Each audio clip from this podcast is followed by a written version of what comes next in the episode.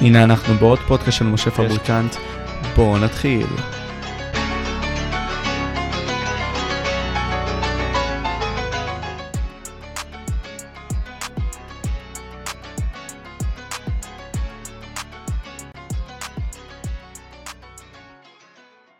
אח שלי, מה man, the man himself, אחי, אנחנו עם אבי ג'וני עזרי, אחי, the man. מה, אנחנו באוויר? כן, אנחנו זהו, אחי, אנחנו פה כבר. אני לא יכול לעשות את זה cringey, אבל אתה יודע, חוץ מהטיול בסרילנקה, אחי, וההתנתקות שלך מהרשתות שמעניינת אותי, העלית סטורי לפני איזה כמה שעות, בנוגע לקטע מסוים עם שירלי לוי, משהו בסגנון הזה, והגיבו לך נכון. בתגובות. וואלה, לא הבנתי את זה, כי יכול להיות שהחמצתי את הרגע שבו זה קרה. תספר לי מה היה שם, אחי, כי לא הבנתי. אה, היה לי פודקאסט עם שירלי. נכון, אוכלים את אה, הראש. למי שלא מכיר, אתם יכולים. לעקוב ביוטיוב. וגם נכון, בספוטיפיי. אוכלים את הראש. נכון, אחי, נכון, תודה רבה. אה, והיה איזה קטע שדיברנו, אתה יודע, ד- שירלי מאוד אה, בעולם הזה של כאילו דייטים, וכאילו מחפשת אהבה, וזה כאילו סוג של הדברים שהיא עושה. אוקיי. אה, והיא באה והיא סיפרה שחברות שלה, היא יודעת על חברות שלה. אה, לא משנה אם אמיתיות או לא אמיתיות, כי בסופו של דבר גם שירלי היא טיפוס די קומי. ברו- היא טיפוס קומי. אה, ודיברה על זה שחברות שלה יוצאות לדייטים כדי אה, לאכול. נכון. עם, ה... עם הפרטנר, נקרא אוקיי. לזה ככה. לא מכירות את הבן אדם יותר מדי, לא זה, יוצאות בשביל לאכול איתו במסעדה, ש... שישלם עליהם. כי הן רעבות ואין להם מה לעשות בערב. אה, ווואו, זה היה... סרטון חם, כי מהרגע שהוא עלה, אני נכנס בבוקר לבדוק עדכונים, ו... טוטוט 15 תגובות, אה, 100 לייקים, אתה יודע, כאילו הסרטון עובד כל יום, הוא כאילו רץ מאוד מאוד חזק באינסטגרם, ורץ מאוד חזק בטיק טוק, ורץ מאוד חזק ב... בכל העניין הזה. כאילו לקחת ו- bite size מתוך הפודקאסט עצמו והעלית אותו כחתיכה קטנה עם הקטע הזה, כאילו ככה אני מבין. נכון, אוקיי, כן, רילס. נכון. ואתה יודע, אני רואה תגובות שכאילו, אני מאוד נמנעתי, כאילו אמרתי, אתה יודע, בזמן האחרון אני כאילו פשוט לא עונה לתגובות. גם זה משהו חלק מה... אני לא קורא לזה התבגרות, אבל ההתבגרות שלי לתוך הרשת, אני לא עונה אחי, כי כבר נמאס לי להתגונן על, על הדברים שאני אומר, או להצטדק, ואני כבר מזמן הבנתי ש... שאם אתה עצבני על משהו שאני פרסמתי זה פרשנות שלך אה, וזה בסדר ואני לא אבוא עכשיו אה, לשכנע את כל העולם שאני צודק בכל מיני נושאים זה התוכן אתה רוצה תצפה אתה לא רוצה אל תצפה. אה, ופשוט חזרו מלא תגובות של כאילו אתה יודע של, של נשים שהן אומרות "אה, אני לא מכירה את התופעה הזאת זה לא נכון את משקרת. אה, אה, זה לא קורה, את סתם מחרטטת, את סתם מוציאה לנו שם רע לנשים, אין דבר כזה. כאילו זה מעצבן אותי, כי כאילו שבאים ואומרים סתם לצורך העניין אה, על גברים, ההוא בגד וגברים יוצאים ככה וכל הגברים בוגדים וזה, אף גבר לא מרגיש באיזשהו מקום צורך לבוא ולהגיד לא נכון גברים לא עושים דברים כאלה כאילו אנחנו אנחנו די אינדיבידואלים אנחנו יודעים שאם יש גבר שהוא חרא והוא בוגד או, או, או יש גבר מכה או יש גבר מתעלל מצידנו שיגידו כל הגברים, אה, בסדר, אנחנו יודעים שאנחנו נורא אינדיבידואלים ו, ו, ואף אחד לא יכניס אותנו לתוך משבצת של כל הגברים. את רוצה תעשי את זה, את המטומטמת. אבל uh, לבוא ממקום של כאילו, אני לא מכירה את הסיטואציה הזאת, זה לא נכון וזה שקר. אוקיי, אז בגלל שאת לא מכירה אנשים או את התופעה או שאת לא עושה, זה אומר שמי שאמר את הדבר הזה שיקר. אתה מבין? זה מה שמעצבן אותי, שכאילו ברגע ש, ש, שבן אדם מחליט זה שקר כי אני לא מכיר את זה. כן. מה, כאילו לאיזה שיח הגענו כבר כאילו אנחנו לא יכולים אפילו לקבל דעה או סיטואציה שבן אדם אחר אומר שזה כן נכון בשבילו ולחיים שלו. אז זה מעצבן אותי העניין הזה. אתה מבין? אז אמרתי יאללה אני לא אגיב שם בתגובות אבל אני כן אעשה איזשהו סטורי שכאילו כנראה שצריך להסביר לנשים מסוימות שגם אם הם אה, אה, אה, לא מכירות תופעה מסוימת היא אכן קיימת. מסתבר ש-2023 עדיין צריך להסביר את זה לאנשים. אבל הקטע הוא אה. אחי שאני יכול לקחת את זה לשתי מקומות. קודם כל, ראיינתי איזשהו פרופסור אמריקאי, בעיקרון הוא במוצא, הוא נולד בישראל, פשוט הוא דיבר איתי באנגלית לאורך הראיון, מישהו עם הרבה מאוד following, איזה 300 אלף ביוטיוב. דיברתי כן. איתו, והוא אמר לי, תשמע, היה לי איזשהו מקרה עם שתי פרופסורים, אם אני לא טועה, הוא דיבר על שני פרופסורים, והוא אמר, הם, היה להם ויכוח היסטורי, סבבה? הוא, אחד אמר, תקשיב, אחי, אני זוכר בוודאות שהמועד הספציפי הזה קרה בתאריך הזה והזה. הוא בא והוציא ויקיפדיה. והבן אדם השני, אתה יודע מה אמר לו? הוא אמר לו, תקשיב, אמ, את, אני לא מסכים איתך, זה לא נכון. אז כאילו, הוא הראה לו את העובדה, הוא הראה לו שזה קיים, אבל אמר לו, אתה לא צודק, אני לא מסכים איתך. אבל פה זה לא עניין של פרשנות יותר. אנחנו מגיעים למקום שאנשים חושבים שעל כל דבר אפשרי לבוא ולהתווכח ולדבר. אבל בוא נניח את זה ככה, שאם אנחנו נגיד מחר, אוקיי, כוויכוח, תאכלו חרא, זה אולי בריא. היום אנחנו מגיעים למצב שאנשים אשכרה ייקחו את זה בחשבון לאכול את החרא. כאילו, אה, כן. זה, זה, זה, זה מטומטם. כן אחי, אה, אתה יודע, אני, אני כבר מסתכל היום, אני תמיד אמרתי באופן כללי גם שאני מדבר עם אנשים או שאני הולך לעבודות מסוימות וזה, ואז אומרים, אה, משפיען, אתה יודע, שמים לך איזשהו טייטל של משפיען, ואני תמיד כאילו חוזר על זה ואני אומר, שכאילו, אני לא חושב שאני משפיע על מישהו, אתה מבין? אני פשוט חושב שמי ש...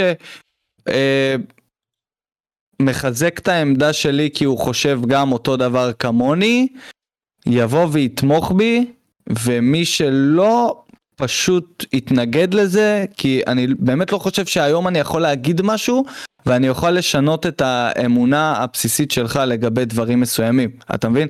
זה כבר, אנחנו כבר היום לא מדברים ברמה שאני אבוא ואני אגיד לך, שומע, אני חושב שזה נכון בגלל א', ב' וג', ואתה תבוא מהצד השני ותגיד, אתה יודע מה, יש מצב שאתה צודק. כן. יש מצב שאולי אני טעיתי, לא, אתה תנסה לעשות הכל, גם אם זה אומר לבטל עובדות מוצקות לחלוטין, רק כי זה לא מתאים לאמת שאתה רוצה להאמין בה. וזאת הסיטואציה שאנחנו נמצאים בה היום. אתה, יש, יש, כל אחד בוחר את האמת שלו. אז כאילו החברה די קרובה לקריסה, שאין לנו... אה, עקרונות מסוימים שאנחנו כן מסכימים עליהם, אתה מבין? יש עכשיו מה, אה, אה, חלק קוראים לזה רפורמה, חלק קוראים לזה מהפכה משפטית, ואז קמים אנשים ואומרים, אה, אם זה ככה אז אני לא אעשה מילואים. אה, אוקיי, אז מחר משהו אחר לא יתאים לי, ואני אקום ואני אגיד, אוקיי, אז על זה אני לא עושה מילואים. ועוד יומיים נועה קירל הולכת לשיר באירוויזיון, ומישהו יגיד, וואלה, לא מתאים לי שנועה קירל הולכת לאירוויזיון, על זה אני לא עושה מילואים. זאת אומרת, החברה כבר מתחילה להיות... נורא נורא נורא אה, אגואיסטית ו, ולא בעלת אה, עקרונות וקווים מנחים, הכל כבר ניתן לעקם אותו ו...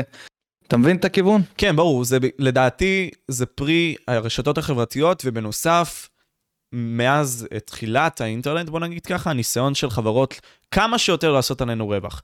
Uh, באיזשהו מקום זה מגיע לזה שאוקיי, יש איזשהו מחקר שראיתי, שהניו יורק טיימס הוסיף ב-400 אחוז יותר מנגיד סתם שנים לפני 2012, הוא התחיל להשתמש בשימושים של אה, סקסיסט ובשימושים של לדעתי גם גזעני. כלומר, מ-2012, כלומר, מהיווסדות של הרשתות החברתיות, הניו יורק טיימס כל הזמן פמפמה את זה.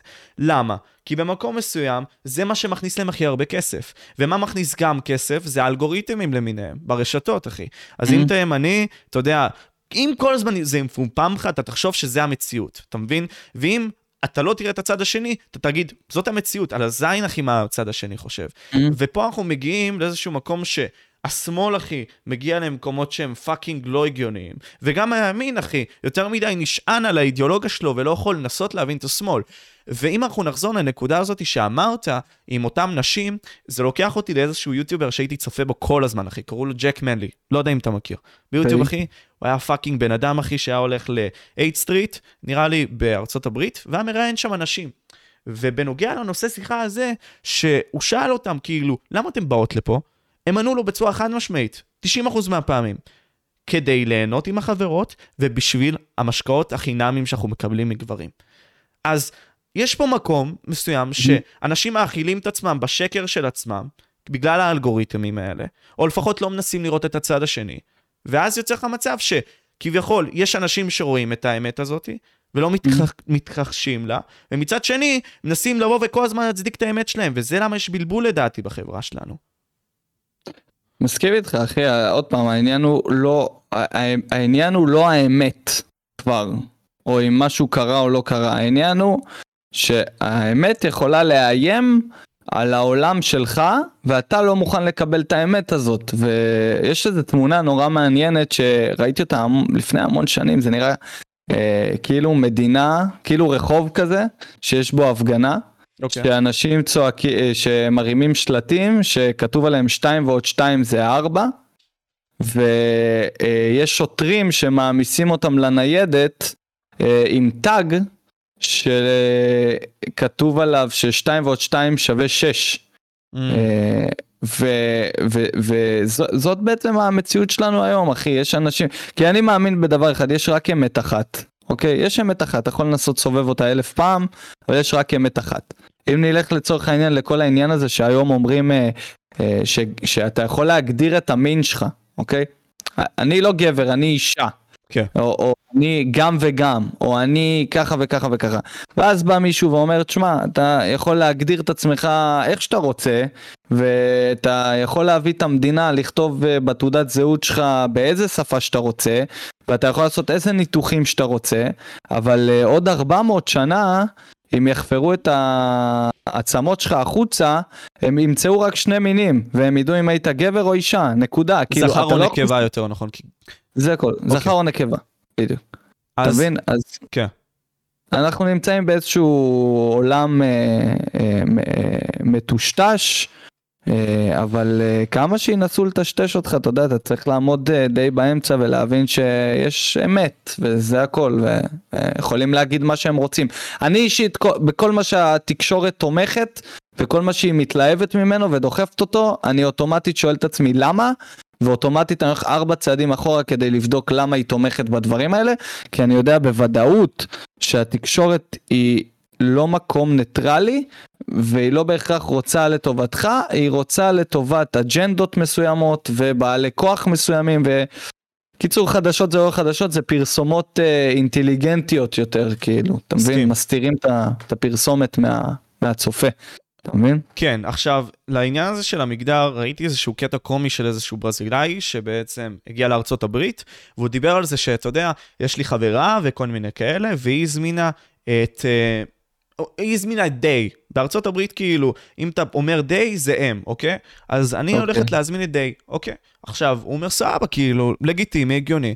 הוא אמר כזה, טוב, אני הולך להכין שולחן גדול, כאילו, אני הולך לשים הרבה מאוד אוכל על השולחן וזה, ואז כביכול החברה מגיעה עם זאתי שקוראים לה דיי, ואז הוא אומר כזה, מה? אבל אמרת שהם מגיעים. אבל אז היא אומרת לו, לא, זה כינוי השייכות שלה, דיי.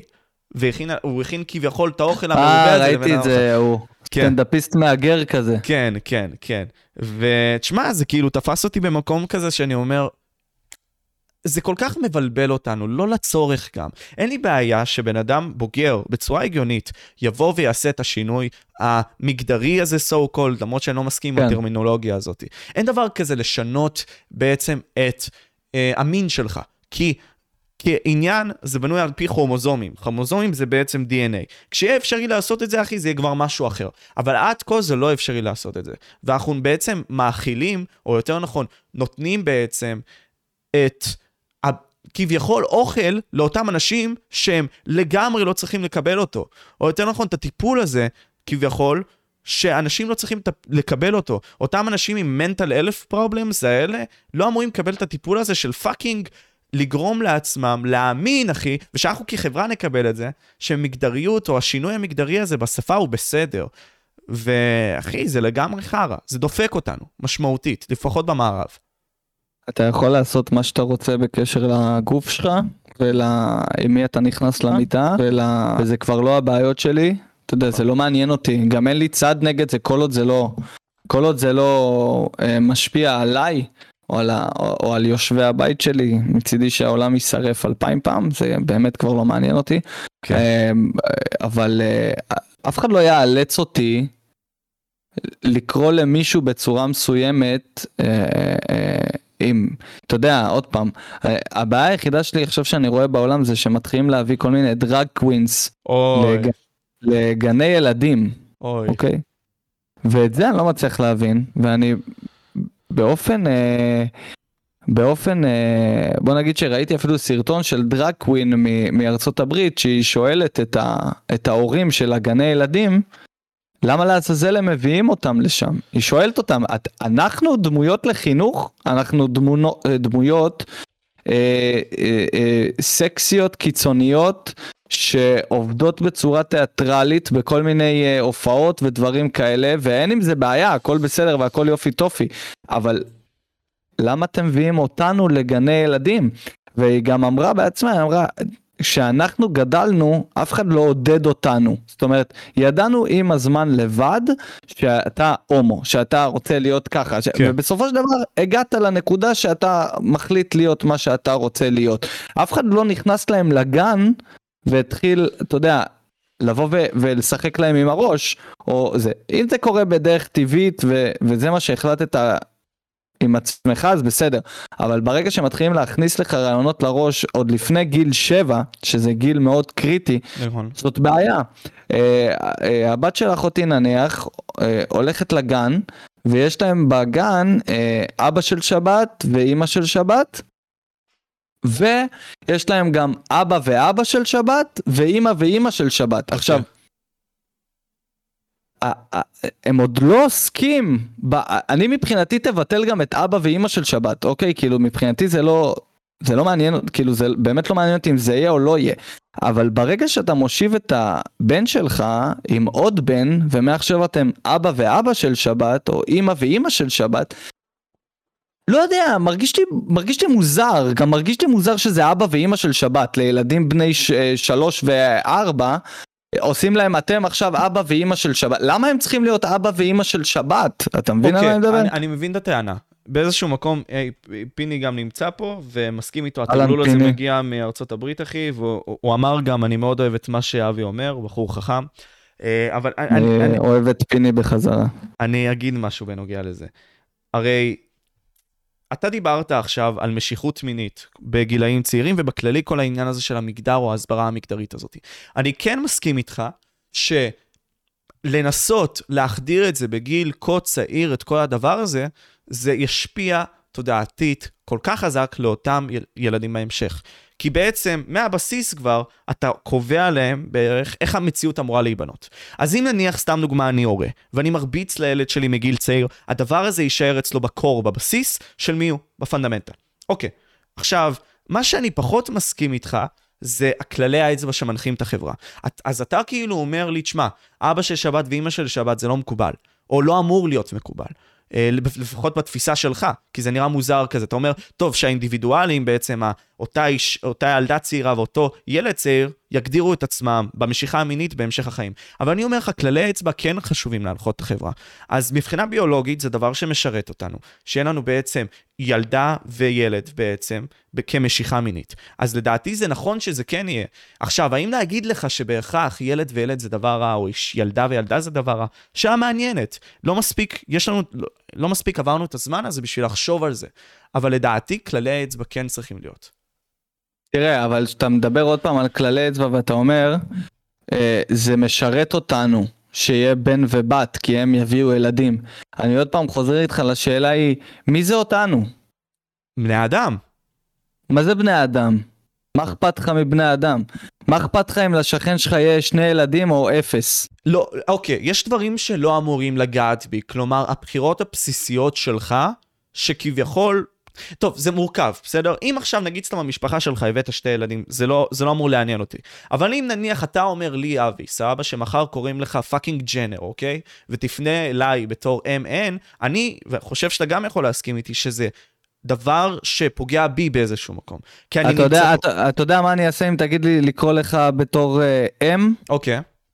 אני לא אקרא לך בכלל אחי, אתה לא תהיה במעגל החברים שלי, לא, אני לא ארצה, לא יודע, אני אחשוב שאתה, שאתה מופרע בראש ואתה לא סגור על עצמך, אני לא ארצה לנהל איתך איזושהי אינטראקציה, אם זה אה, ברמה החברית, אם זה ברמה המקצועית, אם זה ברמה, אני לא רוצה אפילו שתשמור לי על הילד, לא יודע, ככה אני תופס, אתה לא יכול להיות אם, אחי, אין לי, כאילו, בעולם שלי, אתה לא מאה.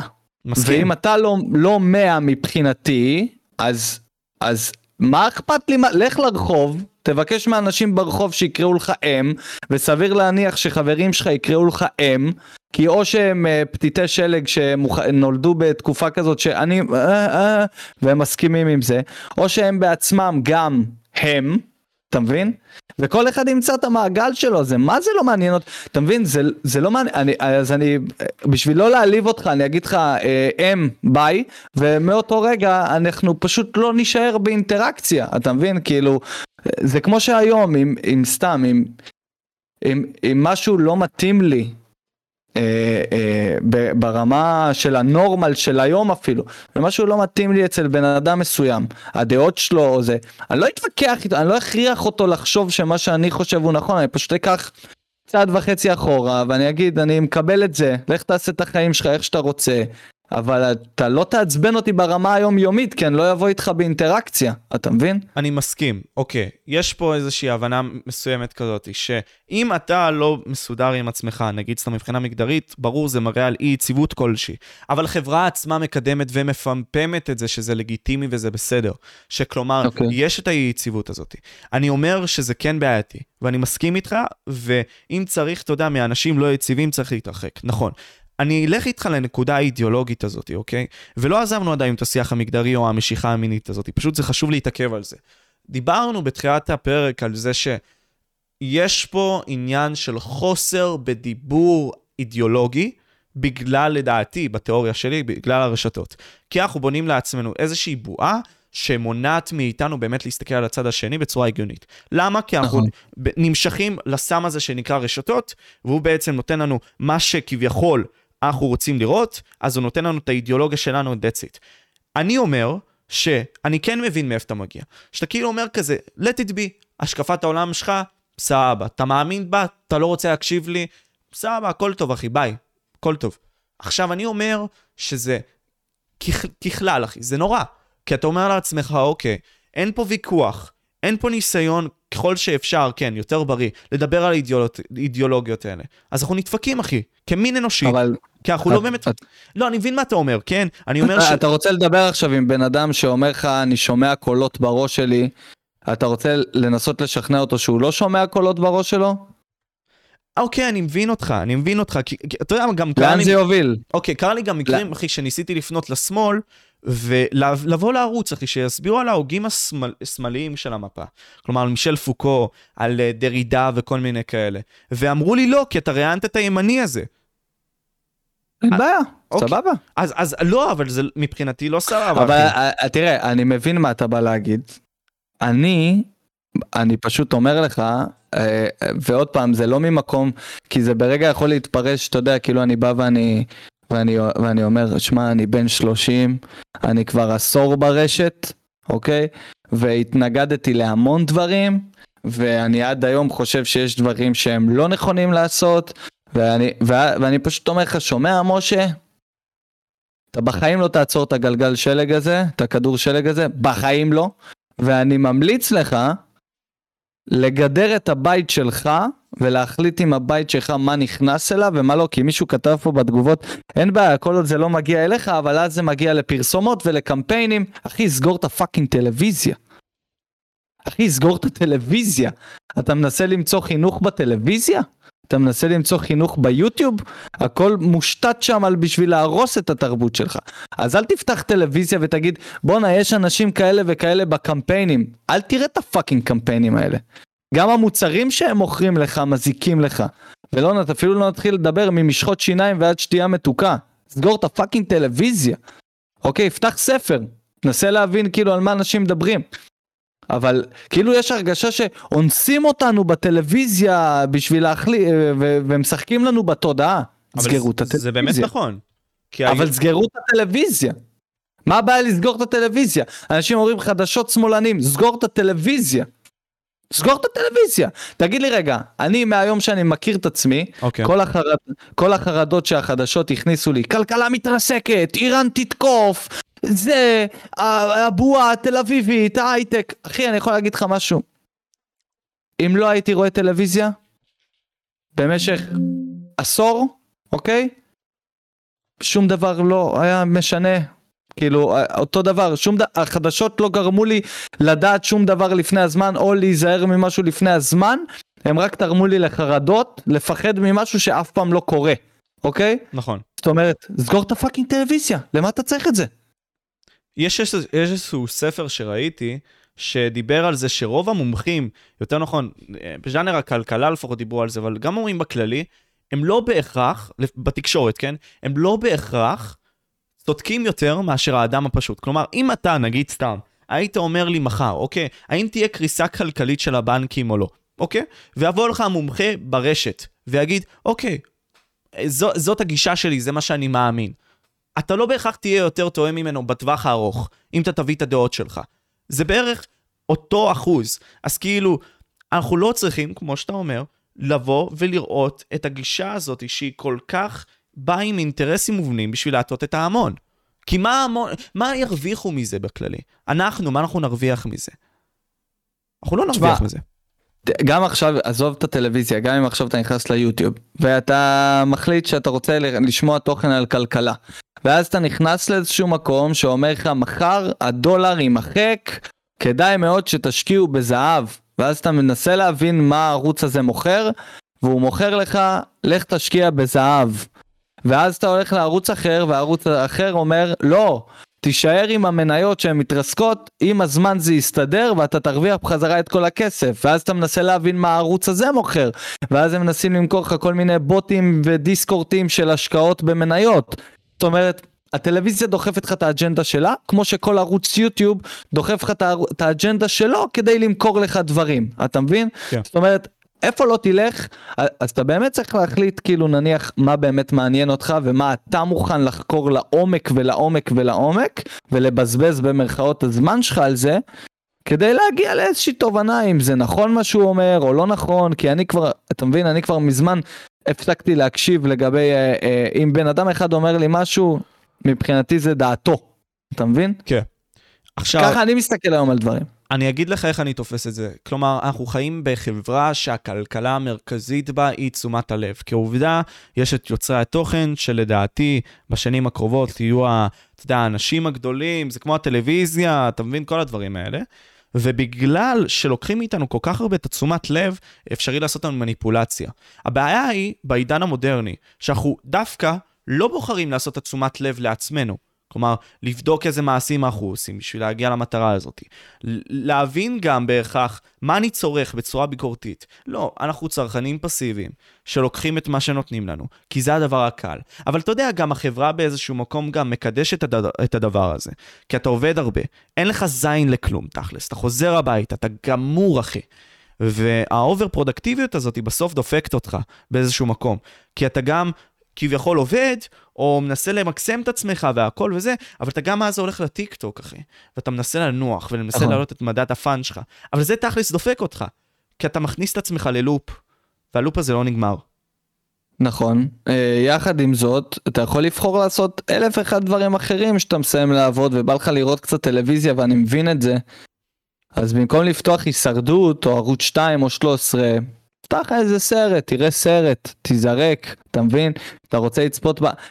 עוד פעם, אה, אני מנסה להגיע לנקודה, לנקודה שלך, שהיא כאילו, שהתרבות מקלקלת אותנו, ו, ו, אבל שים לב, מי שלא נשאב לתרבות, יהיה בסוף אחד שאו שמאושר בחלק שלו ולא מעניין אותו, כי התרבות גורמת לנו כאילו להסתכל מה יש לי לעומת מישהו אחר.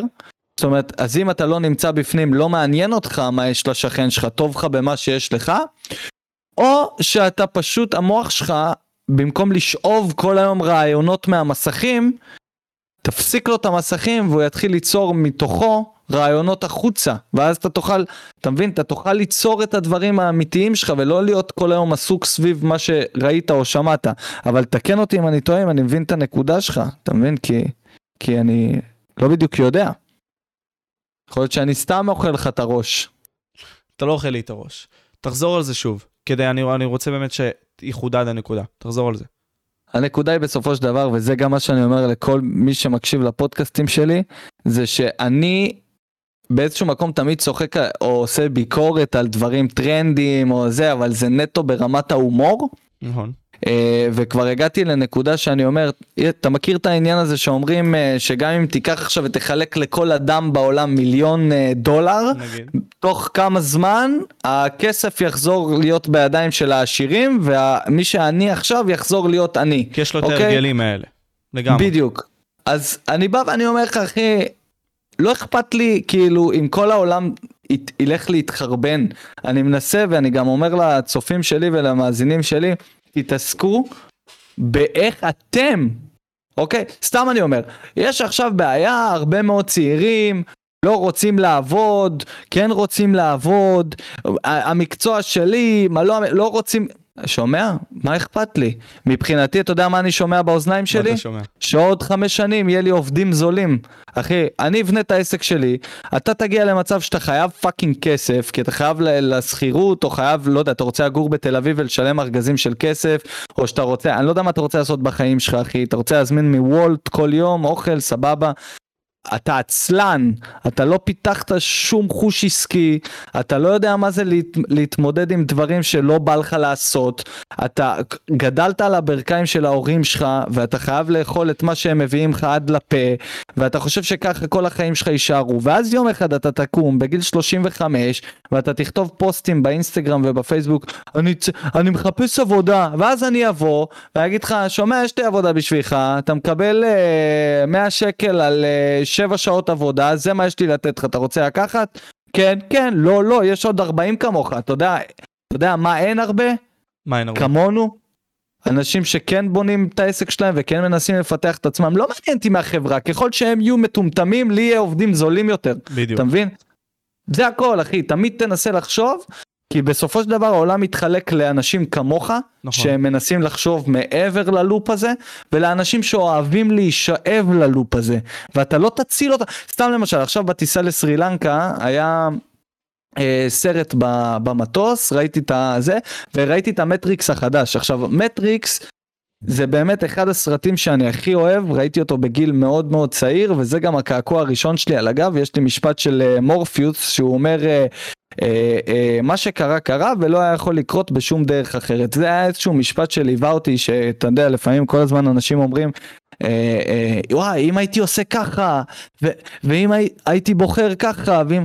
וזה נורא שחרר אותי המשפט הזה, כי אני אומר, אין אם הייתי בוחר, זה בדיוק מה שהיה אמור להיות, אתה מבין? כן. זאת אומרת, זה ב... אין לי, אין לי, אין לי, לא אמור להיות לי חרטות, אי אפשר לחזור אחורה, וזה בדיוק מה שהיה אמור להיות. ומאז אני עוקב אחרי המטריקס, ובדיוק כשהוא יצא החדש, לא הייתי יכול ללכת לקולנוע לראות את הסרט, כי לא היה לי תו ירוק. אז uh, פשוט, לא יודע, איכשהו הסרט התפספס לי, ופתאום ישבתי במטוס, ו... ואמרתי, יאללה, אני רואה את הסרט, ו... ו... וכל הקונספט, כל הרעיון המרכזי של הסרט האחרון של המטריקס, זה שהם אה, יכולים לנצח את, ה... את... את מה שקורה שם, רק אם טריניטי, ה...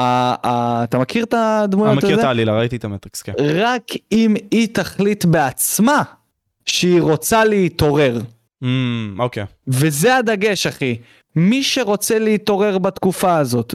ויש מספיק תוכן להקשיב לו, ומספיק דברים להבין מהם, ולקרוא, וללכת, ולצפות, וזה, מי שירצה להתעורר, יציל את עצמו. ומי שלא רוצה להתעורר, אתה, גם אם תראה לו הוכחות, כמו שאמרת בהתחלה, הנה ויקיפדיה, הנה הוכחות, הוא לא ירצה להתעורר, אחי, הוא לא רוצה, תעזוב אותו, תן לו לישון. תן לו לישון, הוא יתעורר בזמן שלו, ושהוא יקווה בעצמו שזה לא יהיה זמן מאוחר מדי. לא שלך, זה לא עניינך.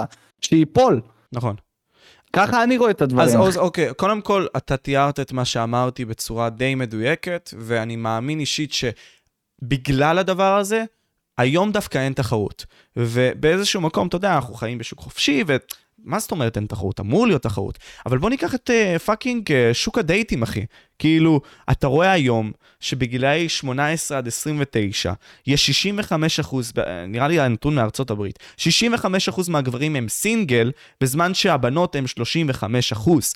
עכשיו, קרו דברים, אוקיי? החברה שלנו, האינטרנט וכל מיני כאלה, באו וצצו. אבל מה זה נותן עכשיו לאותם גברים בגילאים יותר מבוגרים? כן. לקחת את הנשים הצעירות, אחי, את השוות האלה, ולקחת אוקיי. אותם איתן, אחי. וזה למה כי אין תחרות היום. בגלל העובדה הזאתי. אחי, אתה מבין מה אני אומר? בגלל שאנשים לא שמים לב לעצמם, בגלל שאנשים מעדיפים לצרוך מאשר לבוא ולעשות בעצמם את החיים. עם כל הכלים שיש לך, עם כל היופי mm-hmm. שיש באינטרנט, עם כל העניין הזה שאתה יכול fucking לפתוח, דיברנו על ויקיפדיה, אבל אנחנו מדברים על כל מיני דברים אחרים, ולנסות לשקול את הדברים בצורה ביקורתית, ועזוב ביקורתית, סתם לחקור בשביל הסקרנות. אתה יכול לעשות את זה, אנשים בוחרים שלא, וזה הכל נכון. עניין של בחירה. כמו שאמרת, אחי, עם טריניטי, אתה יודע, האם היא בוחרת להתעורר או לא? אם היא בוחרת, אם, אם, היא, אם היא בוחרת לא להתעורר, זהו, זה, של, זה די סגר את כל הפינה, אתה מבין? כן. אבל לך תביא רצון לאנשים להתעורר. ואנשים התעוררו, אה, מה שקורה, לפחות אצלי קרה, ההתעוררות שלי התחילה עוד פעם בזמן הסגרים. כן. אתה יודע, יש משפט כזה שאומר שברגע שהאדמה מתפרקת לך מתחת לרגליים, זה בדיוק הזמן לפרוס כנפיים. אה, ביי חיים שלי, ארוסתי הלכה. מאמן. אמ, אז... אה, האדמה מתפוררת אז... ואתה צריך לפרוס כנפיים אמרת. בדיוק, וכשהאדמה התפוררה... אחי, כשהאדמה התפוררה, ש... שאתה יודע, ישבתי מול אה, טלוויזיה ו... וראיתי שאומרים לי בחדשות שהגיעה מגפת אה, קץ האנושות, וששום דבר לא יחזור להיות אותו דבר, הייתי בסרט רע, חשבתי שאני אוכל trip אחי, חשבתי שנפתח לי אסיד, לא הבנתי כאילו מה קרה, והחלטתי שאני רוצה להבין מה קורה, והלכתי אחרי הפירורים, אתה יודע, היו לי הרבה חברים קונספירטורים שפרסמו כל מיני דברים בזה, ואז אמרתי, אתה יודע מה, אני רוצה לדעת גם מה הם אומרים. אתה מבין, באתי בראש פתוח, לאו דווקא בראש שבו אני אתנגד להם ואני, ואני אגיד שהם טועים. אמרתי, אוקיי, בוא נשמע מה הם אומרים, בוא נלך למקורות שלהם. ושמתי לב לאט לאט לאט שכל הדברים שכתובים שם ו, והם מספרים לי אחרי חודש, חודשיים, שלוש, ארבע קורים.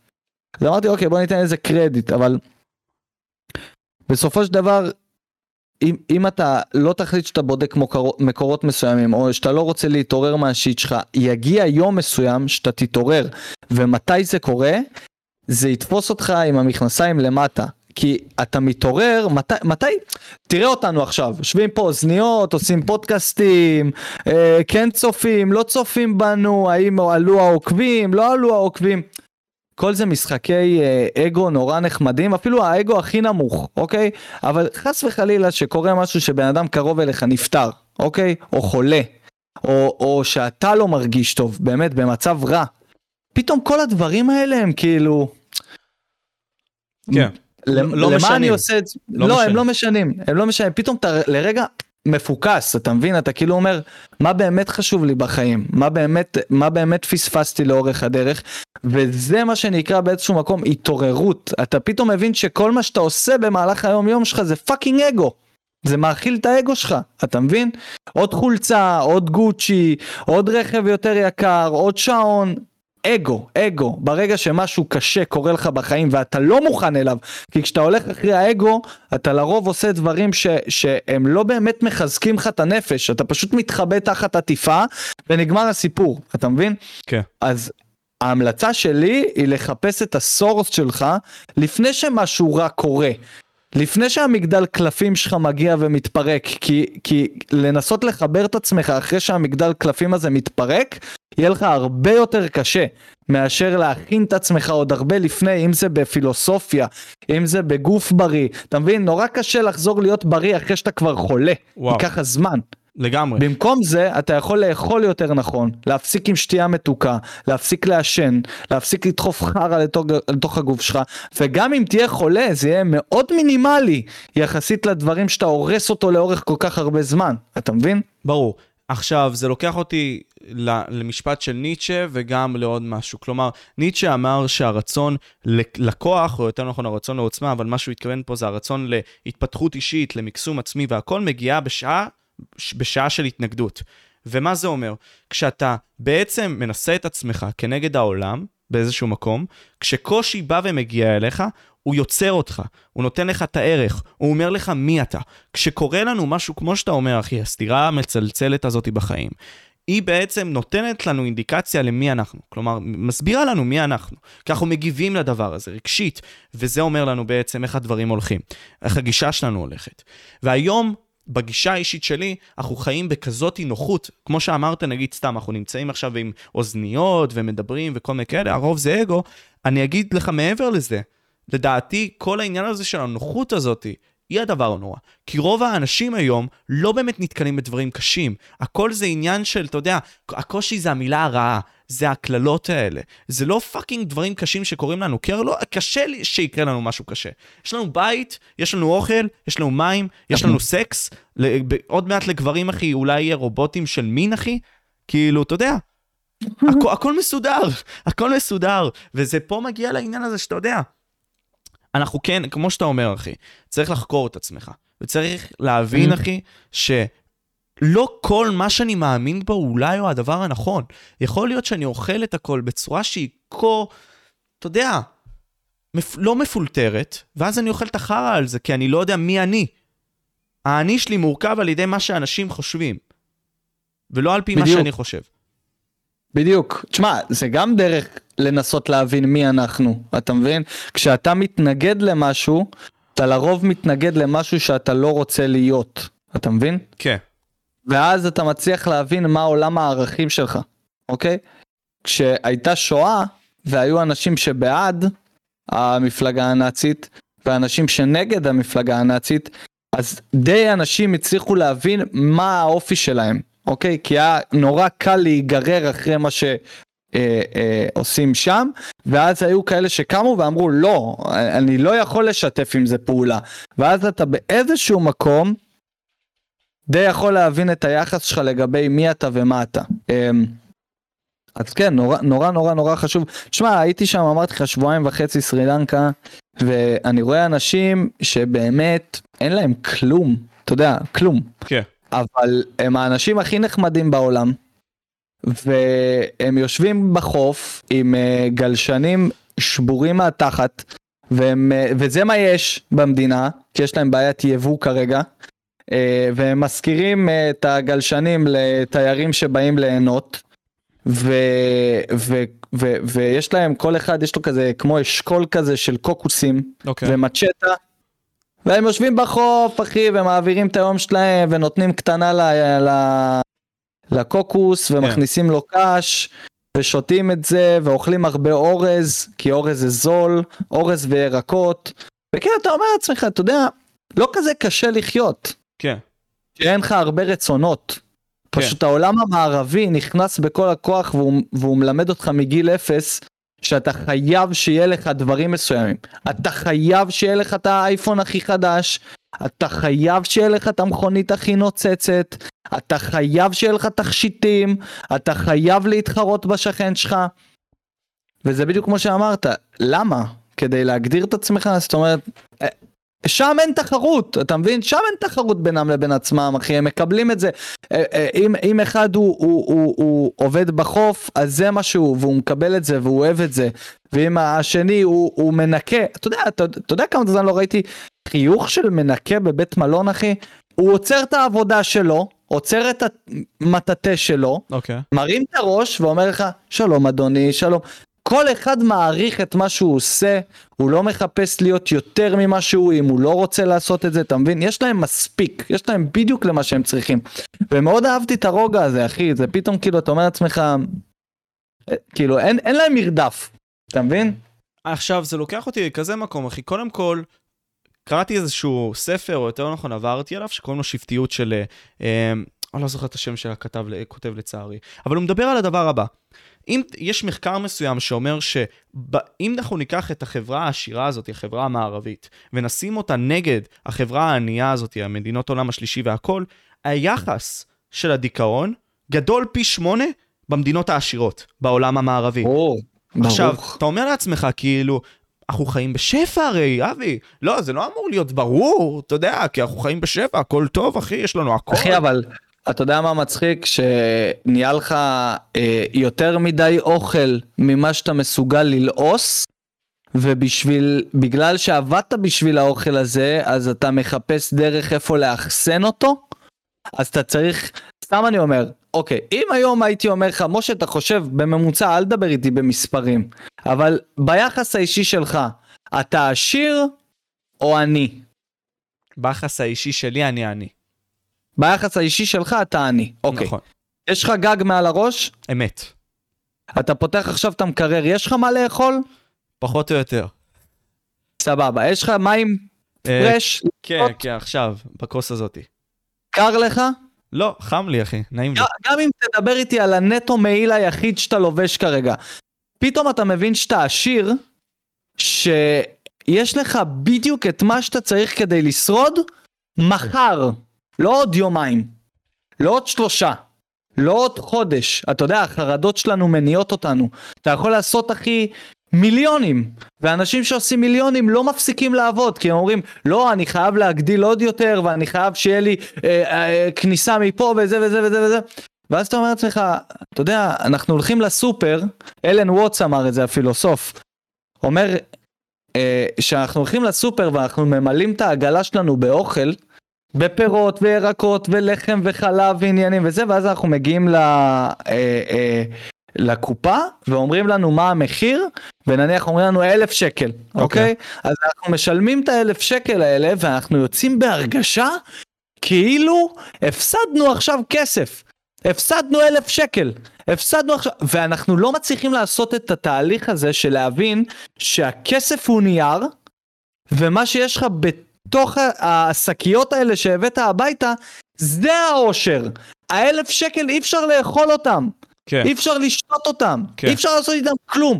מה שקנית עכשיו, הלחם, החלב, הביצים, הירקות והפירות, זה העושר, זה האמת, זאת המציאות, זה מה שהגוף שלך יכול לעכל, זה מה שהבריאות שה, שלך צריכה, לא נייר. תגיד תודה אלף פעם על זה שהיה לך לבזבז את הנייר הזה בשביל להביא את העגלת קניות הזאת, ולא הפוך.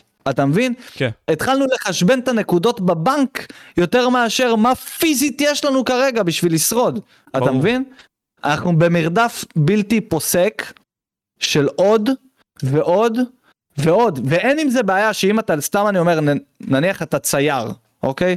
ואתה אוהב לצייר, ומכרת ציור 1-2 ואתה אומר וואו, אני רוצה סטודיו יותר גדול שיהיה לי יותר מקום לשים את הציוד שלי וצבעים יותר טובים. ואם אתה הולך אחרי ה passion שלך, ואתה מגדיל את עצמך תוך כדי ה passion שלך, אז אחי, השמיים הם הגבול, תהנה, אתה עושה גם כיף ואתה עושה גם כסף.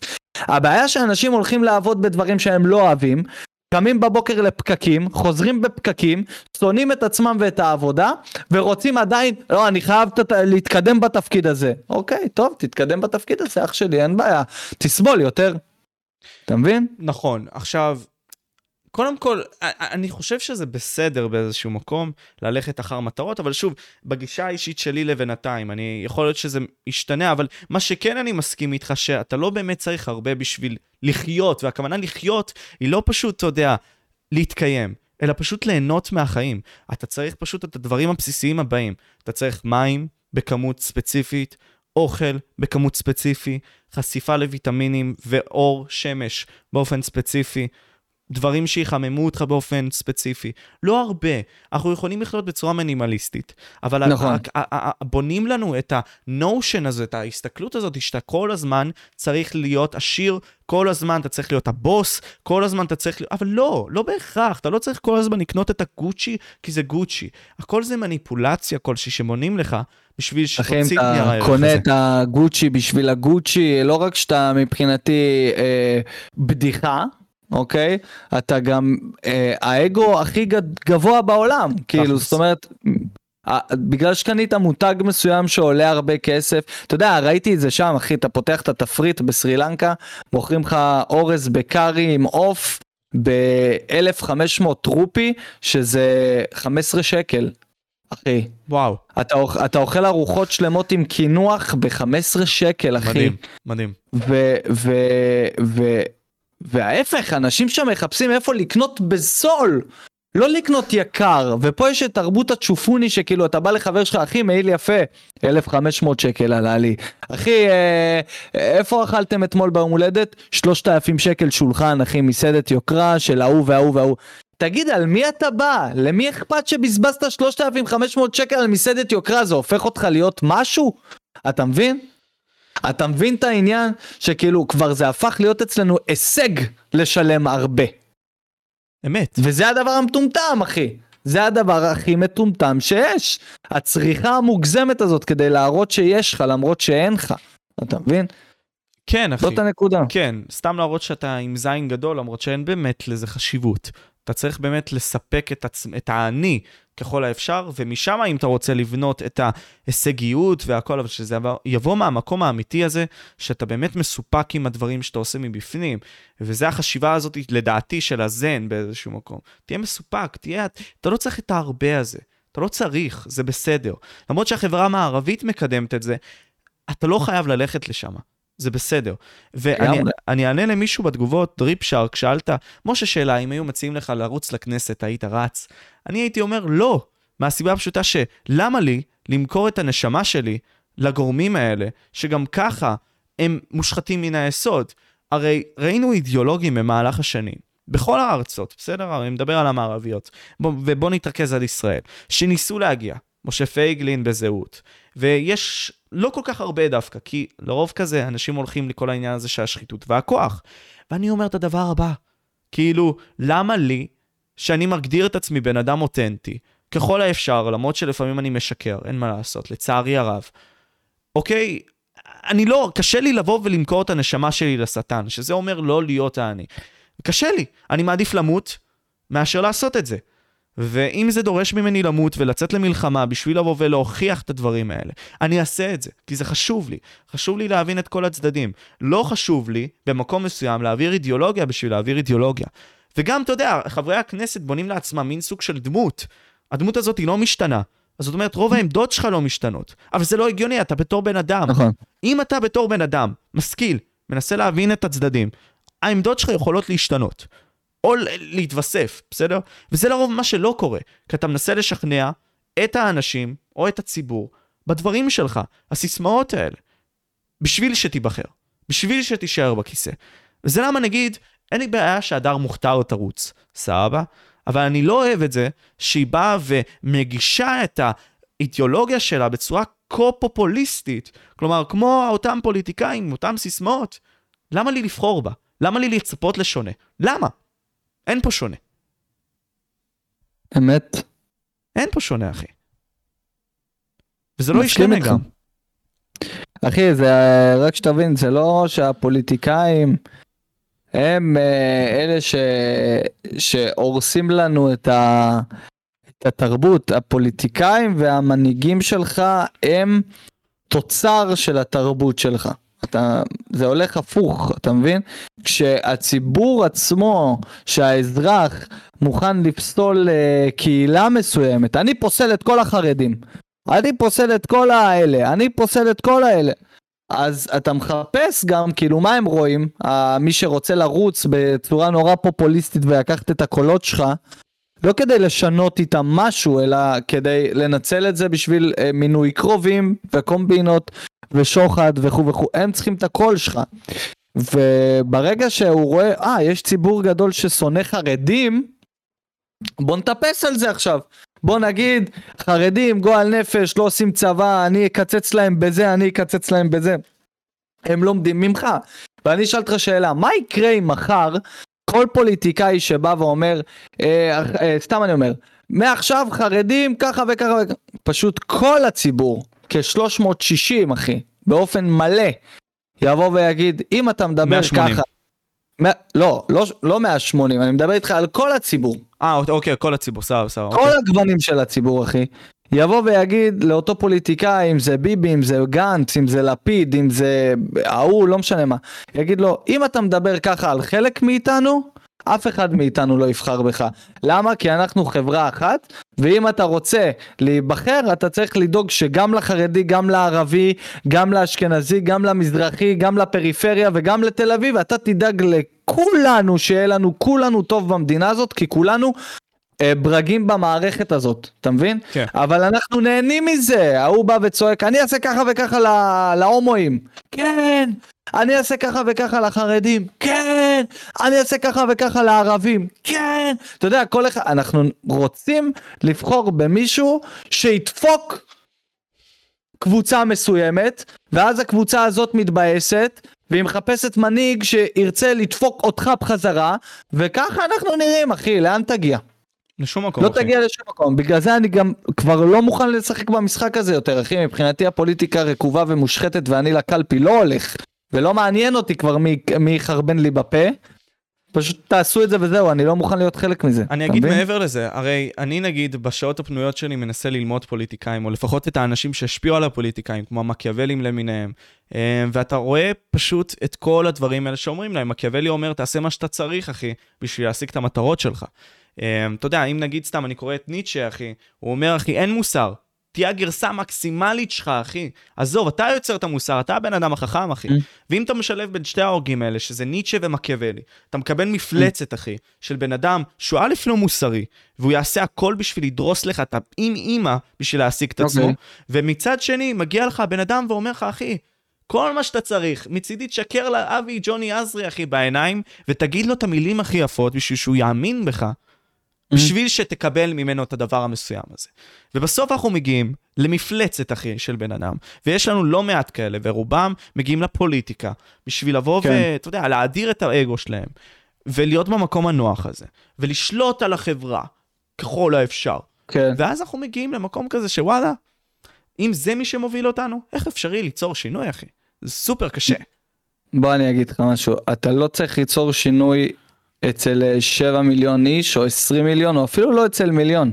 אתה צריך ליצור שינוי אצל בן אדם אחד והבן אדם הזה הוא אתה ואני אני אומר לך את זה כי הייתי בש, ב, ב, בשני הצדדים של המטבע.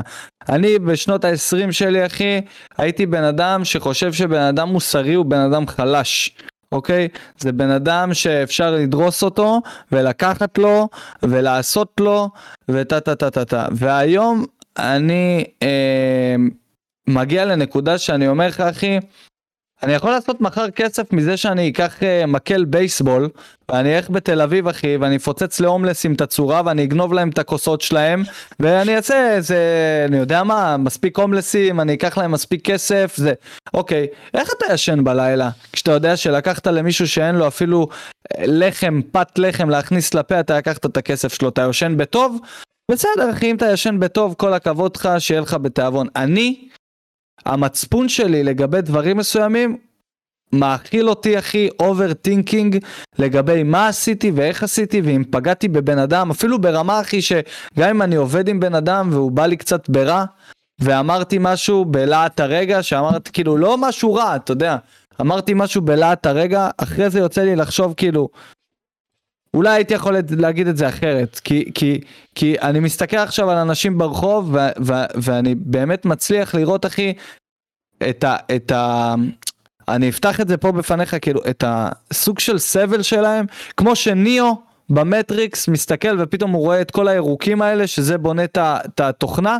אני עכשיו סתם אני מסתכל על מישהו הכי אה, אה, במשקל עודף אוקיי?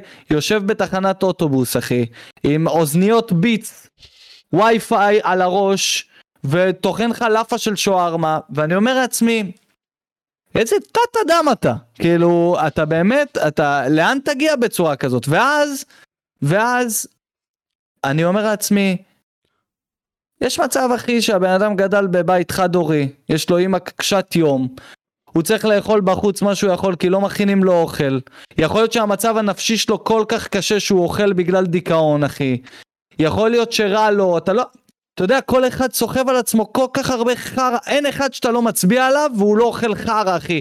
אין אחד, אתה יודע, לפעמים אתה רואה, ראיתי פעם בן אדם נכה, שהוא ניסה להיכנס לבר, בר הופעות שניהלתי בתקופה, אוקיי. ו- ויצא לי לדבר איתו ואמרתי לו, כאילו, קשה לך? כי בטח קשה לך, כי אתה, כי אתה ככה. ואז הוא אמר לי, אתה יודע, אני לא חושב שיותר קשה לי מכל אחד. אני, את הנכות שלי אתה רואה.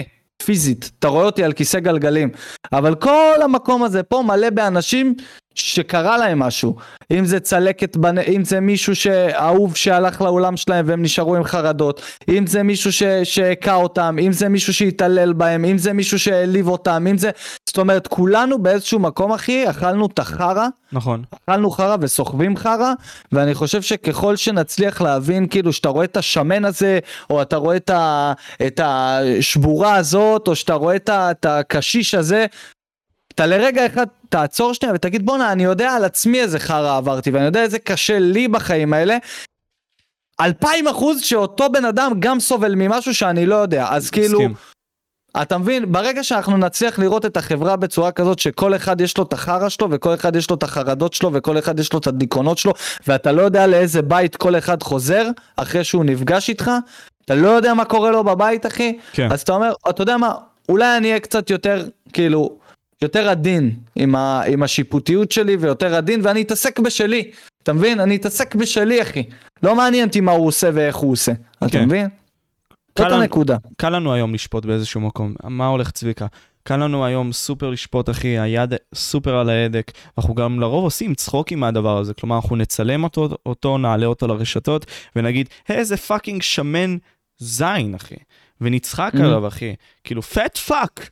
אבל באיזשהו מקום, היופי האנושי לדעתי, זה, לא אגיד חמלה, אבל באיזשהו מקום, טיפה לתת אמפתיה כלפי אנשים, אחי. העולם הוא לא קל, ובאיזשהו מקום הרבה מאוד דברים הם מסובכים. אנחנו בתור בני אדם מסובכים, אנחנו מנסים פשוט כמה שיותר לפשט את הדברים, אבל המציאות היא מסובכת. גם, גם אנחנו, אחי. אז בשביל לבוא ולהגיד משפט על בן אדם מסוים, אתה יודע, זה מאוד קשה להביע נחרצות. כלומר, המעשה שלו אמור להיות כזה נחרץ, נגיד סתם כמו מוות, אחי, בשביל לשפוט אותו. אבל לדעתי, אחי, כל שאר הדברים, שזה נגיד סתם איך הוא מתלבש, איך הוא מדבר, כל הדברים האלה, זה דברים שפשוט, אתה יודע, אתה צריך להגיד לעצמך, אחי, כאילו, הכל טוב, המציאות היא קשה. אני מסכים איתך, תשמע, גם כש... סתם לצורך העניין, התוכן לפי דעתי הכי קשה שיצרתי, זה כאילו אם זה ברמה של כאילו הומור שהוא כאילו יותר קשוח, אז נניח נלך לרגע לחרא על הטיק טוק, נכון. אוקיי? וגם כשהלכתי ובחרתי חרא על הטיק טוק, הלכתי לאנשים מחו"ל. אתה יודע, שלחו לי מלא אנשים מהארץ, וכל מיני סרטונים מהארץ, אמרתי אני לא רוצה, לא, לא רוצה לצחוק על אנשים מפה מהארץ, לא רוצה. תביא לי אנשים מחו"ל, שמצד אחד אנחנו נעשה מזה צחוקים, אבל מצד שני הוא לא ייכנס מחר והוא, והוא יראה שצחקו עליו, אתה מבין? הוא בחיים לא יגיע אליי. וגם כשאני עכשיו עושה פודקאסט ואני מביא, לא יודע, ההוא אמר ככה לקח, זה תמיד איכשהו אה, פוליטיקאים, אתה מבין? או אנשי תרבות. פופים שדחפו אותם למעלה והם רוצים את המצלמה כל כך והם לא מנצלים אותה לטובה או דברים כאלה. אלה אלה כאילו באיזשהו מקום המטרות שלי אבל אני לא אכנס בחיים ל... לא יודע, אלך ברחוב אצלם מישהו שמן ויעלה את זה ואני אגיד תראו איזה שמן, תראו את הזה, או, או ייכנס למישהו מהתגובות שלי וייכנס לו התמונת פרופיל ואז אה, יפרסם את התמונת פרופיל שלו כי אחי, אנחנו באותו טים, אתה מבין? לגמרי. יש את אלה שהם כאילו נמצאים על המסכים ורודפים אחרי המסכים ומדברים שטויות מבלי, מבלי לפלטר אפילו את הפה שלהם, שאתה מגיב לסיטואציה. אבל לאנשים פרטיים שהם כמוני וכמוך אחי, אין מה להתעלק עליהם ואין מה להשפיל אותם, אנחנו כולנו באותה סירה. אתה מבין? זה לפי דעתי. אפשרי נגיד סתם להיות כמו האוורד סטרן, אחי, האוורד סטרן, ממש כאילו גם חקרתי אותו בימים האחרונים, לא יודע מאיזה סיבה, אבל פשוט, אתה יודע, הבן אדם עצמו היה עושה בדיחה מכל אדם. הוא היה שואל נגיד סתם אנשים, וואלה, את לובשת תחתונים היום, את לובשת חוטיני, או כל מיני כאלה. וואלה, אני די בטוח שאת שמנה. כאילו, את מודעת לזה שאת שמנה בומבה, כאילו? מי זה? מי זה? האוורד סטרן, אתה לא מכיר? הוא, אה, אה. הוא היה איש הרדיו לתקופה של בערך 25 שנה, אה. זה עם התלתלים? זה עם התלתלים עם המשקפיים, כן אחי. כן, כן, והוא כן. פשוט, זה הגימיק שלו, להיות ה id, ככה הוא היה אומר את זה, pure id. id זה בעצם מה שאתה מקבל, זה מה שאתה מוציא, בצורה פסיכולוגית בראש שלך. אז כאילו, כל אוקיי. מה שהוא ראה, הוא היה אומר. אז נגיד סתם הוא רואה איזושהי מפורסמת, fat fuck, שהייתה מגיעה בעצם ל... אה, לא יודע, לפינה שלו, סתם דוגמה, אז זה אומר לה, בוא, בוא, בוא, בוא עכשיו, אני משלם לך 2,000 דולר, את שם את עצמך עכשיו על משקל ומודדת כמה את שוקלת. מול כולם, סבבה, ואנחנו מצלמים את זה. והיא אומרת כזה, כן. לא, אני לא רוצה. לא, עזבי, את יודעת מה, אני אשלם גם על הלימודים של הבן שלך. אה, אה, אה, אז כאילו, איזה בן אדם מטורף. אבל הקטע הוא שאנחנו בתור בני אדם נצחק על זה, או לפחות צחקנו על זה בצורה שהיא כזאתי, אבל האם זה הדבר הנכון לעשות? לא יודע, כשאתה מתבגר לדעתי, אתה מגיע למצב שוואלה, למה להיות כזה בולי? כאילו, זה אחי, מצחיק. בוא, בוא נדבר שנייה, עזוב, אלה שמפורסמים, שהולכים, סתם לצורך העניין, אה, קפצו לי אה, כל מיני אה, דברים ב... ב... כל מיני רשתות, אחי, אני לא יודע, כל מיני קטעים של גולדסטאר, אוקיי? העונה האחרונה. אוקיי. עכשיו, עזוב שנייה אם הקייס הזה הוא מטומטם באמת, אם כרתו לו עונה או לא כרתו לו עונה, אחי, אני לא יודע מה הסיפור של הבן אדם הזה. יכול להגיד לך שהחבר'ה מסביב, אנשים מבוגרים, גברים מבוגרים, היה שם יחס שאני באמת אומר כאילו, זה נעים לכם? כאילו הם פשוט צחקו עליו, אתה מבין? בלי סוף, ואתה מטומטם, אתה סתום, תראה איך אתה נראה, אתה מטומטם. עכשיו תראה, בכל דינמיקה חברית מסוימת של גברים, יש את הדבר הזה שזה נקרא, אנחנו ככה, אתה יודע, הולכים מכות אחד עם השני כזה. כן. אני לא אוריד לך אגרוף לפנים, אבל אני אגיד לך, אח שלי, ההומו. סתם. יא קוקסינל. סתם, דווקא בגלל שאנחנו קרובים, אז אנחנו צוחקים אחד עם השני, באיזושהי, יא מכוער, מה זה החולצה הזאת? עכשיו, אני לא אלך ברחוב ואני אבוא למישהו ואני אגיד לו, יא מכוער, מה זאת החולצה הזאת? אבל אם חבר שלי יבוא עם חולצה מכוערת, חבר טוב, אני אגיד לו, יא מכוער, מה זה החולצה הזאת? כי אני מרגיש מספיק קרוב אליו לדבר איתו פתוח וזה. וסביר להניח שהוא יגיד לי, לך תתגלח, יא, נרקומן, אתה מבין? כאילו, זה באיזשהו מקום, כאילו אנחנו חוזרים אחד על השני, וזה, וזה פינג פונג וזה כיף. אבל ברגע שאתה מכה, מפיל על בן אדם אחי, אה, אתה יודע, הנחתות על הנחתות על הנחתות והוא לא מחזיר, או שהוא לא יכול להחזיר לך, זה מרגיש לי באיזשהו מקום, אה, לא יודע, כמו כזה כבר שלב שכזה התעללות ובריונות, לגמרי. אתה מבין? אם הבן אדם שאתה נותן לו פידבקים לא מחזיר לך בחזרה את הפידבקים, אז מול מי אתה נמצא? אתה כאילו הולך, הולך על חלש, אתה משפיל את החלש, אתה משפיל את המושפל, אתה מבין? וראיתי שם בגולדסטאר, כאילו, היה לי לא נעים לצפות בזה. באמת, היה לי כבר כאילו איזושהי רמה של כאילו, אוקיי, זה לא מצחיק אותי כבר. אבל לא המשכת לא לצפות לא... בזה? בכלי המשכת לא. לצפות? אוקיי. לא, לא, אתה יודע, כי באיזשהו שלב, אתה יודע, אוקיי, אתה רואה פרק ראשון, מצחיק, אתה רואה פרק שני, מצחיק, בפרק השלישי אתה אומר, א' כל זה כבר לא מצחיק, כי כבר לעסנו את הבדיחה, הם גם כולם צחקו על קייס, זה לא שזה כאילו פרק אחד צוחקים על זה. אורח שונה וכל מיני כאלה. כן, כן, אוקיי, אה, מטומטם, וברלד, אה, אה, ראש איגוד המטומטמים. אחי, בסדר, הבנו, פרק שלישי, אתה כבר כאילו מגיע לנקודה שאתה אומר, בואנה, יש לי דברים יותר טובים לעשות מלראות החרא הזה, אתה מבין? ו...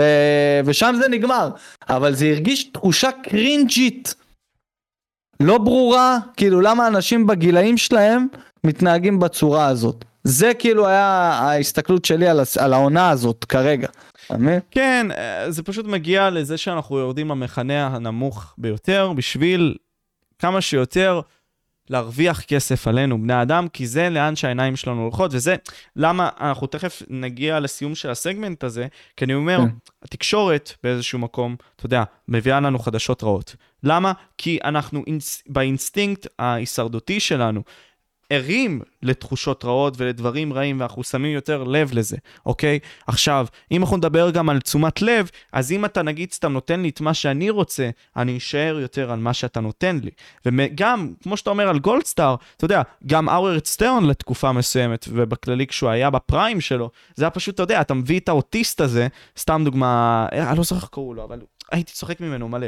כזה, הוא כעור, משקפיים, אומר לו spell red. והוא כזה עושה misspelling, והוא שואל אותי עוד פעם, spell red, והוא צועק, אתה יודע, זה מצחיק, אנחנו יורדים למכנה הנמוך הזה, וזה mm-hmm. יוצר מין סוג של חברה באיזשהו מקום, ואנחנו מגיעים גם לצעירים עם זה, שהם הולכים להיות fucking dumb fucks, כאילו ממש רפי שכל, ואם לא רפי שכל, אז אתה יודע, ההתבגרות שלהם תיקח כל כך הרבה זמן. לא שכבר עכשיו זה ככה, כלומר, אנחנו אנחנו בגיל שלנו, נגיד סתם גיל 23, אנחנו עדיין מתנהגים כמו ילדים בני 18.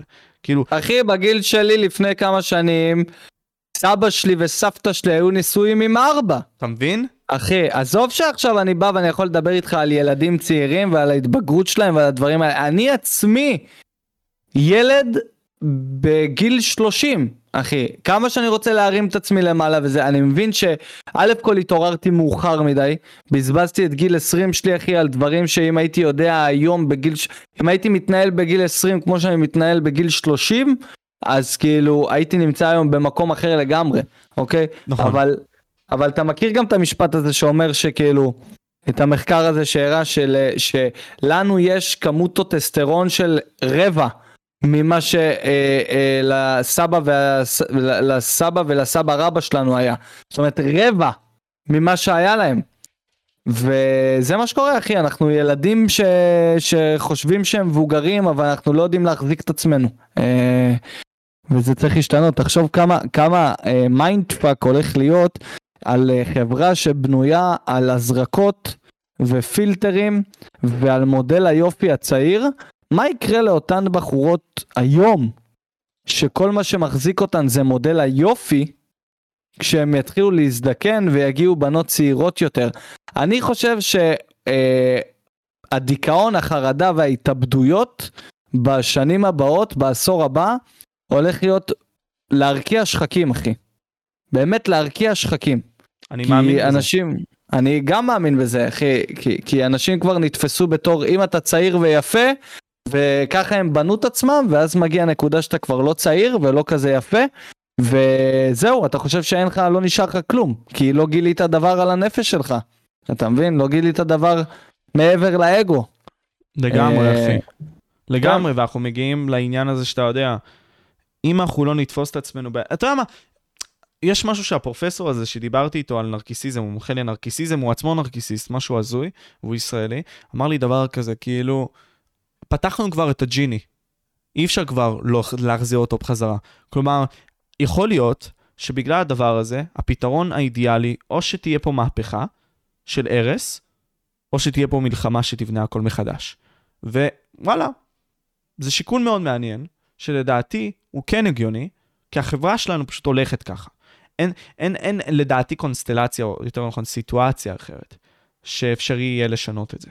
כי אנחנו כבר שם, mm-hmm. אחי. הכל בנוי ככה. ו... נכון. שאלה, אוקיי? אתה ראית מה קרה עם וויל סמית? כאילו, התגובה של קריס רוק לוויל סמית ומה שהיה? אני ראיתי ואני לא מאמין בזה.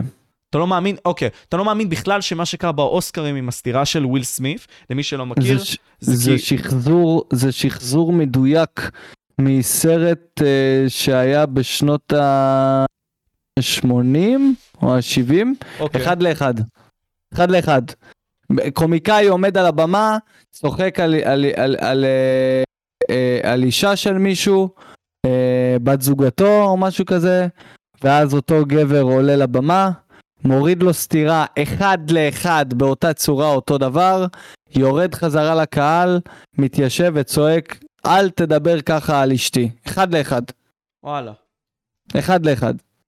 אז כאילו, אוקיי, אוקיי. תשאל אותי למה, למה הדיחו אותו מהאקדמיה, ולמה עדיין לא סיפרו שזה לא אמיתי, ולמה נהיה את כל הדרמה הזאת, אחי אין לי תשובה לזה. אבל אני ראיתי סרטון מתוך סרט שזה העתק מדויק, אחד לאחד, של מה שהיה שם. אה, אם גם... אתה רוצה אני יכול אה, לשתף אותך פה, אם אתה רוצה להעלות את זה ולהראות כן, את זה כן, פה. כן, כן, איזה סרט? איך, איך קוראים לו?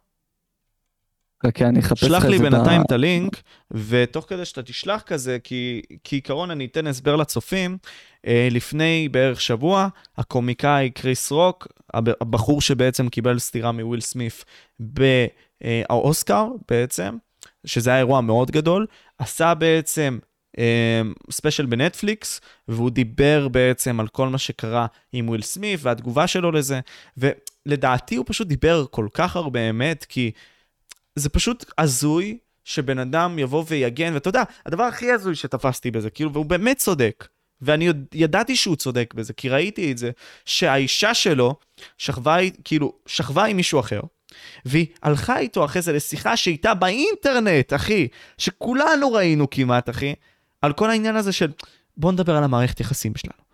איזה דבר משפיל זה בתור גבר, אחי, fucking לחוות.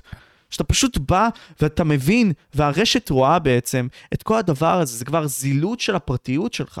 שאתה כאילו, הם, הם ישבו שם, והיא דיברה איתו על זה שהיא שכבה עם אותו בחור, ו- ו- והתגובות שלו היו כל כך מסכנות, אבל רואים על וויל סמית שהוא כזה, אני לא יודע אם הוא חלש אופי, אבל הוא חלש איתה, ולא היה לו איך להחזיר. מצאת את זה בכללי? כן, שלחתי לך את זה ב... זה, אז, אז, אז, אז כאילו, אתה, אתה, גם, אתה ראית את התגובה שלו בכללי לדבר הזה? שהוא בכה? אה, לא, התגובה של קריס רוק בנוגע לדבר הזה. כלומר, הספיישל הזה וכל הדברים האלה. אני אה, אה, הבנתי שהיה ספיישל והבנתי שהוא עשה איזושהי בדיחה על זה ונטפליקס אמרו לו להוריד את הבדיחה על זה או משהו נכון? אני לא טועה? אני לא יודע בנוגע לזה, אבל הוא כאילו בא וירד אחושרמוטה על וויל סמית ועל כל הדברים האלה. ממש אבל. אוקיי. ו- ו- ו- וכל העניין פה היה ש... קודם כל, כולם כזה באו ואמרו, למה אתה אומר את זה, זה לא נעים, אבל תכלס, אחי, הוא אמר את האמת על וויל סמית, הוא אמר, אחי, למה שאתה תבוא ותיתן לי סטירה? למה שב... כאילו, אני אמרתי את זה בצורה קומית. ליטרלי, האישה שלך שכבה עם החבר של הבן שלך, אוקיי? תתעורר לזה. גבר, אוקיי? אתה צריך לעשות כן. בנוגע לזה משהו. ואתה מבין, זו המציאות, והיא מוזרה, והוא לא רואה את זה פשוט, וזה הזוי. אז כאילו, אני, אני, אני מנסה לשים את זה כן, ש, המסך. שזה, שזה, שראיתי את הדבר הזה, אז הוצאתי איזשהו אה, חתיכה אה, מהפודקאסט, אני לא זוכר, דיברתי על זה בפודקאסט ואמרתי, מעניין אם דה רוק היה מספר את הבדיחה הזאת, אם הוא היה קם להרביץ לדה רוק, אתה מבין? ולא לקריס רוק. ברור. לא נראה לי שהוא היה קם להרביץ לדה רוק.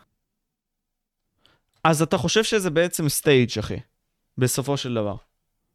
הנה, תיכנס למה לא, אני ששאלתי ראיתי, אני. ראיתי, אני ראיתי. מעניין, אני אנסה לבוא ולחקור מאיזה סרט זה. אה, מעניין אותי. רגע, אבל בוא נראה שנייה מה רשמו בתגובות. זה skit מערוץ יוטיוב, אחי, לפני שנה. כאילו, יכול להיות שזה אחרי האירוע עצמו שזה קרה, לדעתי. אז כאילו, סתם הם עשו סקיצה של זה. אני לא יודע. כאילו, אני עכשיו רואה את התגובות, ואנשים רשמו שזה סקיצה מערוץ יוטיוב שהוא די מפורסם בנוגע לכל מה שקשור לסרטים, אה, וזה clickbait.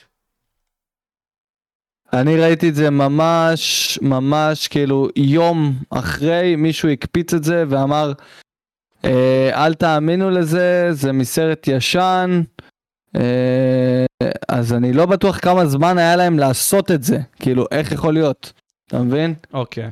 יש לנו אנשים בתגובות, הנה מירי קרילוב אומרת, הם הרוויחו פרסום מכל זה, כן, אבל הפרסום עצמו זה לא פרסום של דונלד טראמפ, שהוא literally הפך להיות נשיא.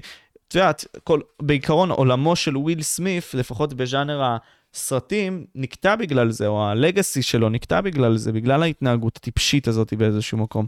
אז אני לא יודע, כאילו, זו שאלה מעניינת, מה המניע שלך לעשות את זה?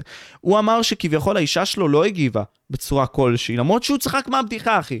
אנחנו רואים בוודאות, אם אנחנו עכשיו נסתכל על הסצנה עצמה, שהוא צחק מזה, האישה שלו לא הגיבה טוב, והוא אמר בעצמו באותו, באחד הראיונות שהוא עשה, שהוא לא הגיב כי האישה הגיבה, אלא כי הוא רצה בעצם לתת לו את הסטירה. דברים לא מסתדרים פה, באיזשהו מקום. אנדרו טייט אמר שבתכלס אה, הוא הפנה את ה- את הסתירה, את כל הזעם, הוא רצה בכלל להוריד את זה על אשתו. אז את כל מה שהוא לא יכול להוריד על אשתו, הוא הפנה ל... לסטנדאפיסט. וזה, זה, אז, לא יודע, אחי, אני לא אוהב את המציאות הזאת, אה, לפחות ככה. לפחות טוב, דיברנו על הנושא הזה, אז כאילו, היום קומיקאים, אחי, נפגעים אחושרמוטה. בואו נראה מה האנשים בתגובות רושמים, בואו ננסה לראות אולי שאלות שמעלים. אה, אה, התגעגעת לישראל, אחי? כאילו, אתה יודע, סרילנקה וכל החוויה הזאת, אחי, שואלים אותך, התגעגעת לישראל? אמ, כן, ברור, הכלב שלי פה, ההורים שלי פה. אה, ההוואי הישראלי, התגעגעת אליו? ההוואי הישראלי? לא. לא התגעגעתי, כי סרי לנקה, אם אתה תטוס, אחי, אתה תרגיש אה, שכל צעד שלך ברחוב, אתה תרגיש אה, כמו, כמו האנשים שיושבים בזה, ב- במחלקת ביזנס, בטיסה. כולם מתנהגים אליך, אחי, כמו... כמו הבן אדם הכי רצוי בעולם, ואני אומר לך את זה כי כאילו טיילתי באירופה, ובאירופה אני מסתובב ואני מרגיש לא רצוי אחי. אשכרה. אני, אני מרגיש לא רצוי אחי. אה, אתה יודע, אנ- אנחנו, אתה תלך באיזשהו מקום ואתה תראה ישראלים ואתה תגיד אה הוא ישראלי, אתה מזהה אותו. אתה נכון. יודע שהוא ישראלי. וככה גם העולם מזהה אותך. ובאירופה אתה הולך ואני אני רואה אחי, אני חוויתי על, על, על, על בשרי שמתנהגים אליך לא יפה, לא רצוי, כאילו אתה איזה מטרד, כאילו אל תבוא לפה ואל תעשה את זה ועל זה ועל זה ועל זה.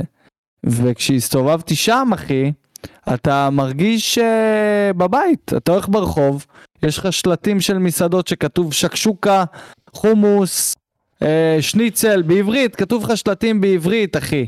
ואתה מגיע למקומות ואומרים לך אח שלי, סבבה, מה נשמע? הם אוהבים את הארץ, הם, הם רוצים להיות כמו, כמו ישראל, אחי.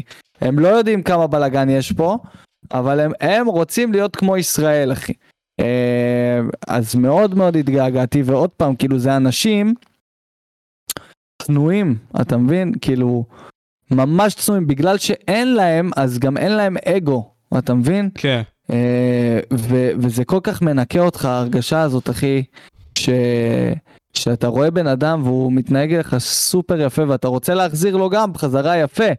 ולא מלחמה אחי על זה שאתה עומד רגע בפיצוצייה בתור ומישהו צועק "אה, כמה זמן אה", כולם פה מאוד מאוד לחוצים אחי כולם פה מאוד מאוד מאוד אתה יודע, תחרותיים. רוצים, תחרותיים והכל מהר והכל עכשיו והכל בפנים זעופות אחי אז אה, אני חייב להגיד לך שאין סיכוי שאני לא עושה טיול כזה אחת לשנה ו... ואפילו פעם באה אני אברח לקצת יותר זמן. מגיע אה, לך. כן אחי קשה פה האנשים קשים פה האדמה לא עשתה כלום שום דבר רע האדמה הישראלית אחי אדמת הארץ האנשים פה אחי קשים.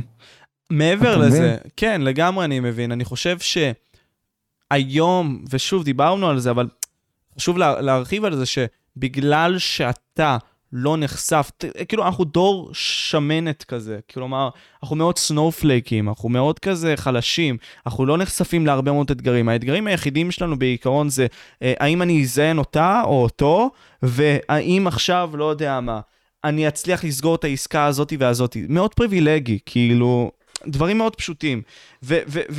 ואני אומר, האנשים האלה, אתה יודע, מנסים לשרוד, עובדים, אחי, כמו fucking, אני בטוח, כאילו, עובדים כמו fucking savages, אתה מבין?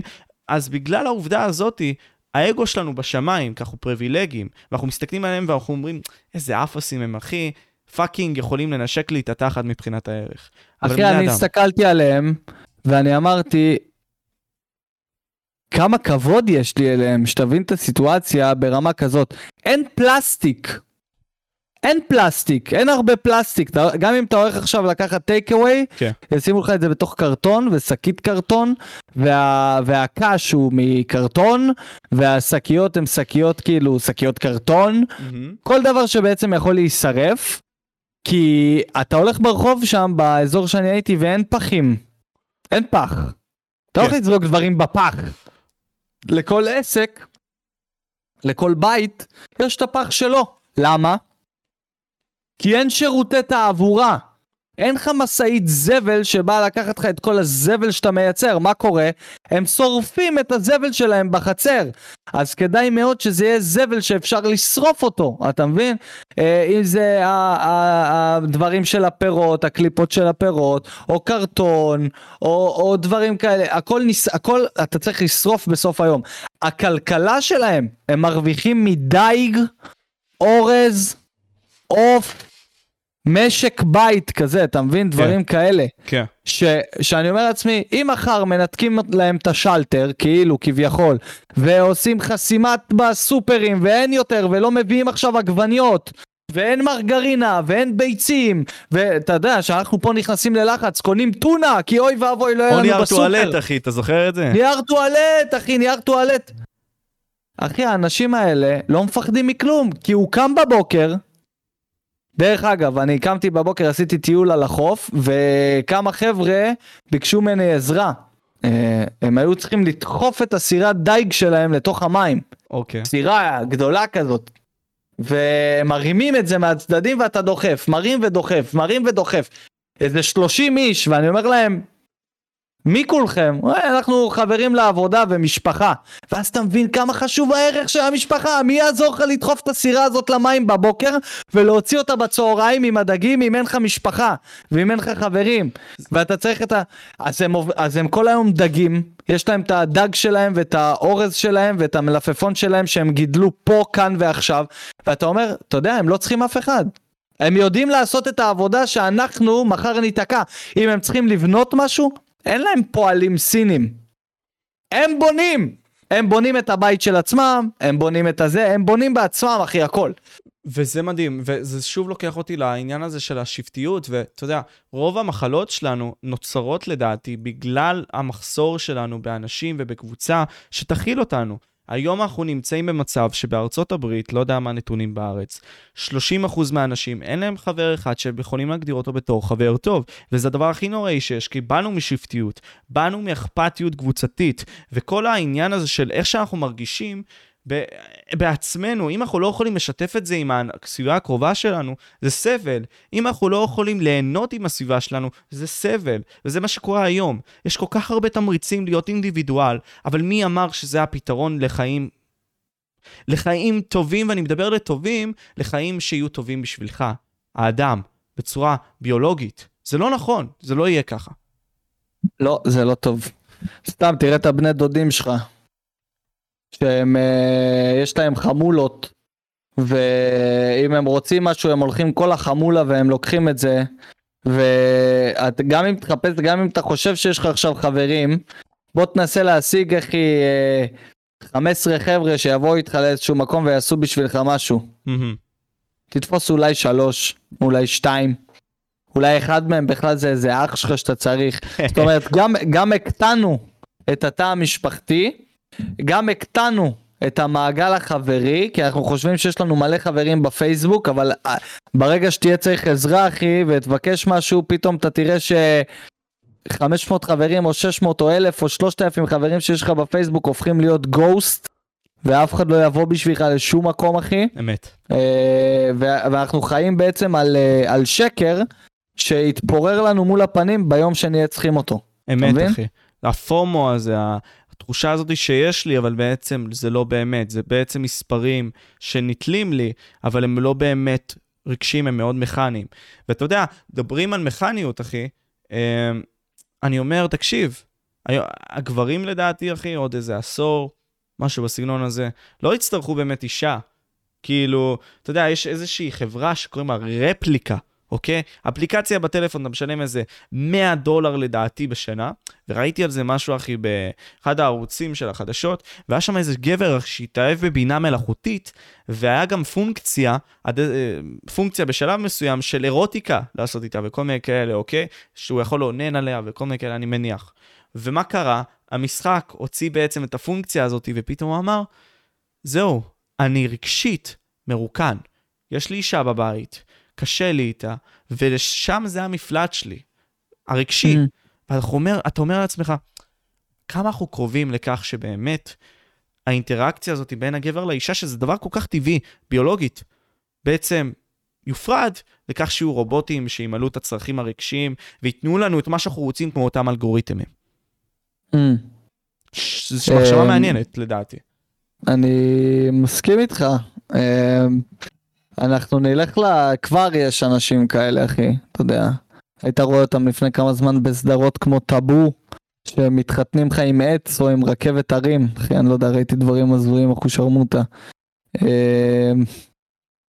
אבל אה, זה אותו דבר כמו שקורה לך עם פורנו, אתה מבין? זה, זה הפורנו החדש, זה כאילו אתה הולך ואתה מרוקן את עצמך אנרגטית על אה, משהו שראית באינטרנט, ואז אין לך כוח. אה, דרך אגב, זה עובד גם עם, עם זה שאתה מספר את התוכניות שלך. אמת. זה עובד באותה צורה. ספר על זה, ש... אבל מה זה אומר? אם החלטת עכשיו, סתם אני אומר, לכתוב ספר, ויש לך רעיון, ספר, סרט, לצייר משהו, לא יודע מה.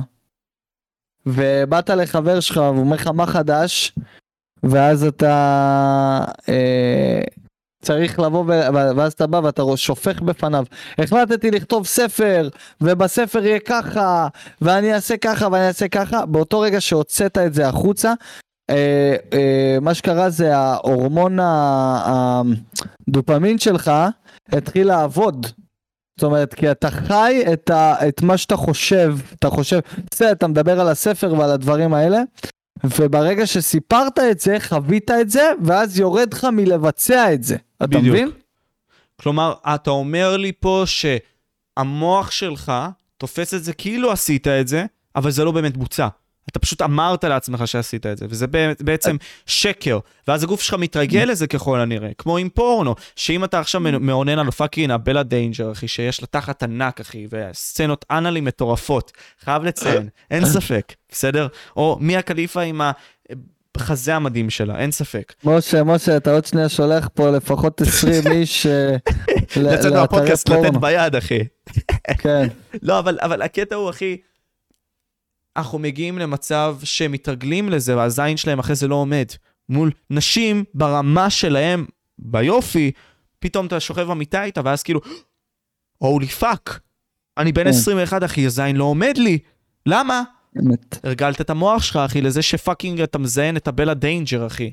ועזוב את זה, גם אתה מרגיל את עצמך שמישהו אחר מזיין לך את הבלה דיינג'ר ואתה מאונן מהצד. כן, אתה אפילו לא משתתף ב-POV.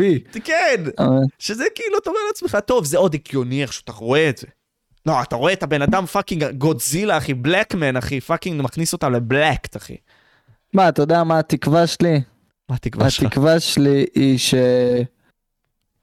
אני באמת אומר לך, אני הייתי הבן אדם הכי נוראי שיש בגיל ה-20 שלי, והיום אני באמת בן אדם שמסתכל על דברים אחרת, והתקווה שלי זה שאני רואה צעירים היום, או, או, או, או כל מיני התנהגויות מסוימות, שאנשים צעירים, כן?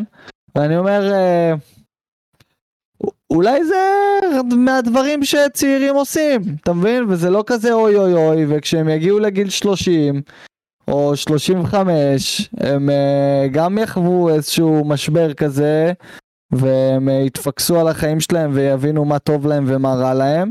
ואתה מבין, יש הרבה...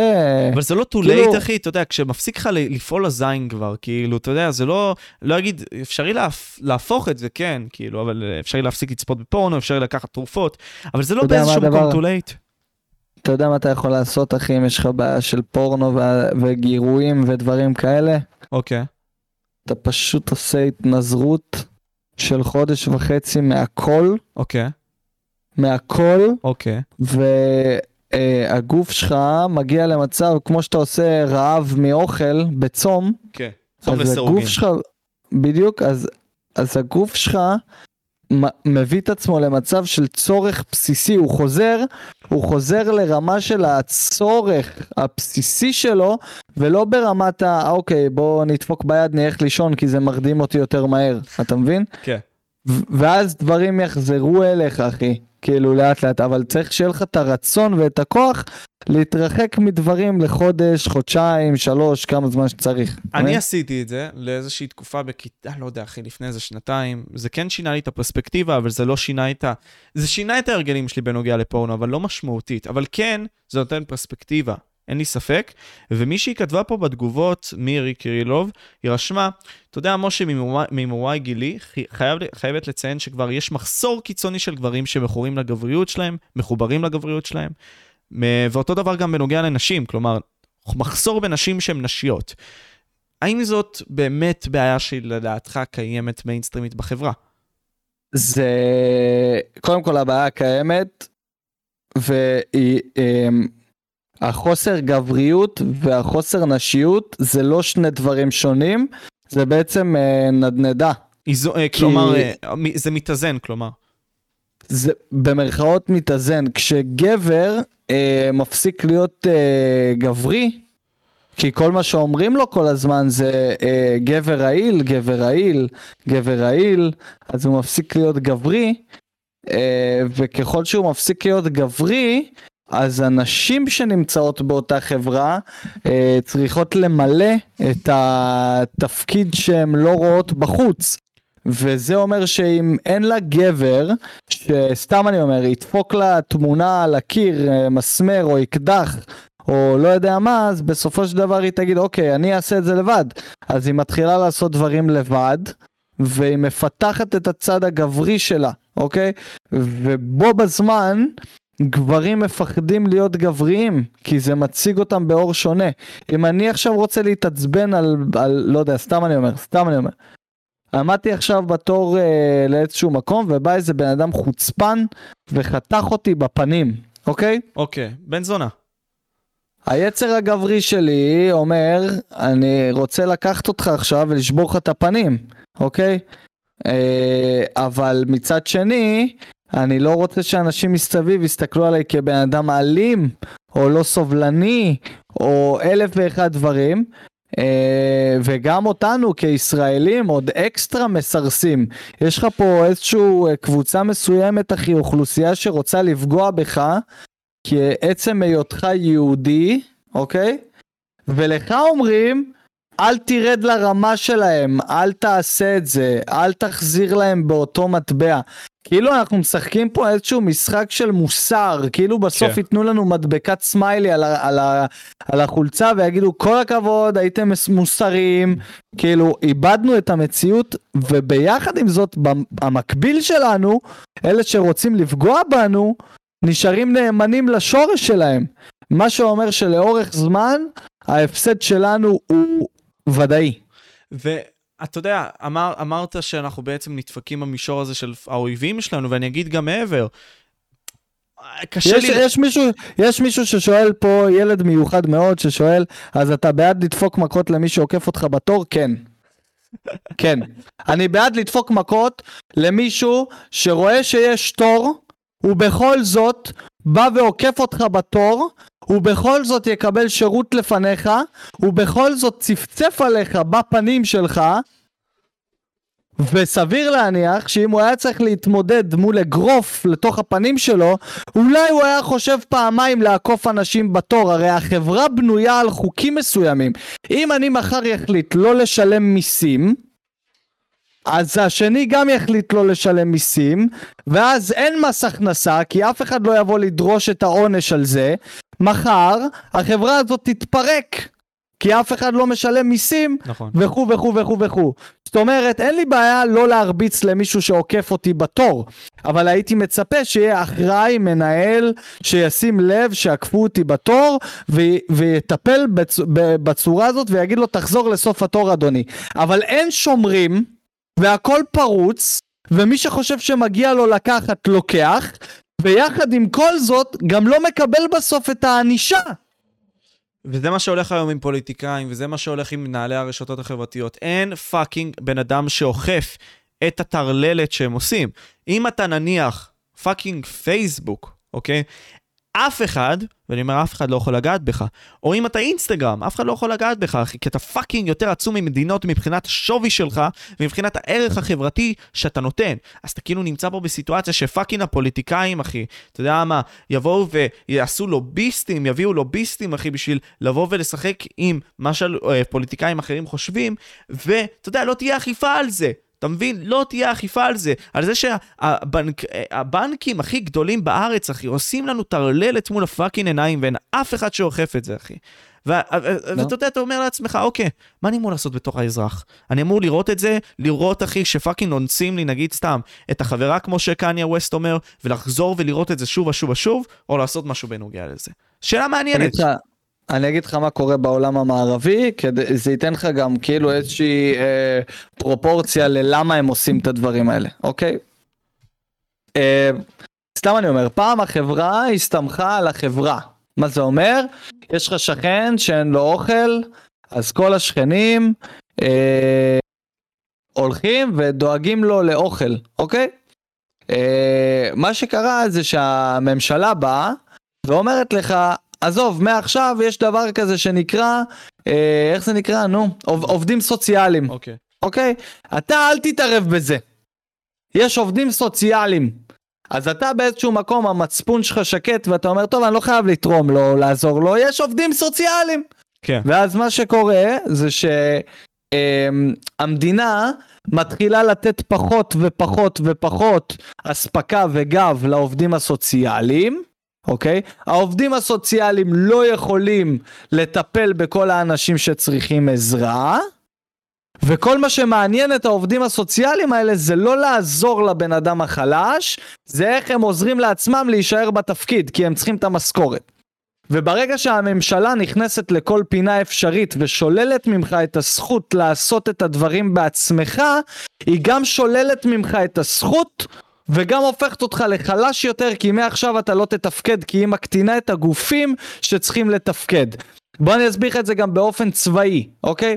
אם עכשיו, למה, למה לא נותנים לך בעצם רישיון נשק? למה כל כך קשה להשיג רישיון נשק? כי המדינה אומרת, יש צבא, יש משטרה, אז אתה אומר לעצמך, אתה יודע מה? יש צבא, יש משטרה, אני לא צריך נשק.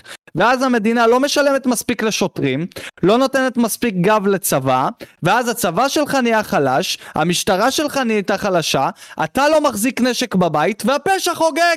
ועכשיו, בגלל שבעצם מה עשו? חתכו לך את הביצים, אמרו לך יהיה בסדר, אתה לא צריך את הביצים האלה. חתכו לך את הביצים, ובמקום שיביאו לך ביצים מלאכותיות שידאגו לספק לך את הכל, גם את הביצים האלה סירסו. אז נשארת בלי זה, בלי זה ובלי זה.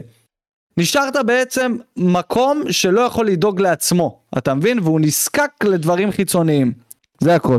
אתה תלוי במערכות, והמערכות האלה לא תמיד מיטיבות, במיוחד בעולם החברתי הקפיטליסטי הזה, יותר נכון הקפיטליסטי הזה, ש... הוא לפעמים גם נגדך ונגד הבריאות שלך ונגד, כי אנחנו רואים את חברות הפארמה, אחי, אתה יודע, הם לא באמת בעד הבריאות שלנו, אנחנו ראינו בקורונה, אחי, מה fucking היה גם, שאתה יודע, רופאים, אחי, בעצם מבלבלים אחד את השני, כלומר אין קונסנזוס ברור, כי כל אחד מנסה להביא נרטיבה שונה, וזה פוגע בנו, אחי, באיזשהו מקום. אז אנחנו בעצם תלותיים במערכות שאנחנו בטוחים גם שאנשים בהם לא מוסריים, אז אנחנו אומרים, טוב, אולי אנחנו נצטרך לחקור את זה. אבל השאלה היא, למה הגענו למצב הזה. היי, למה?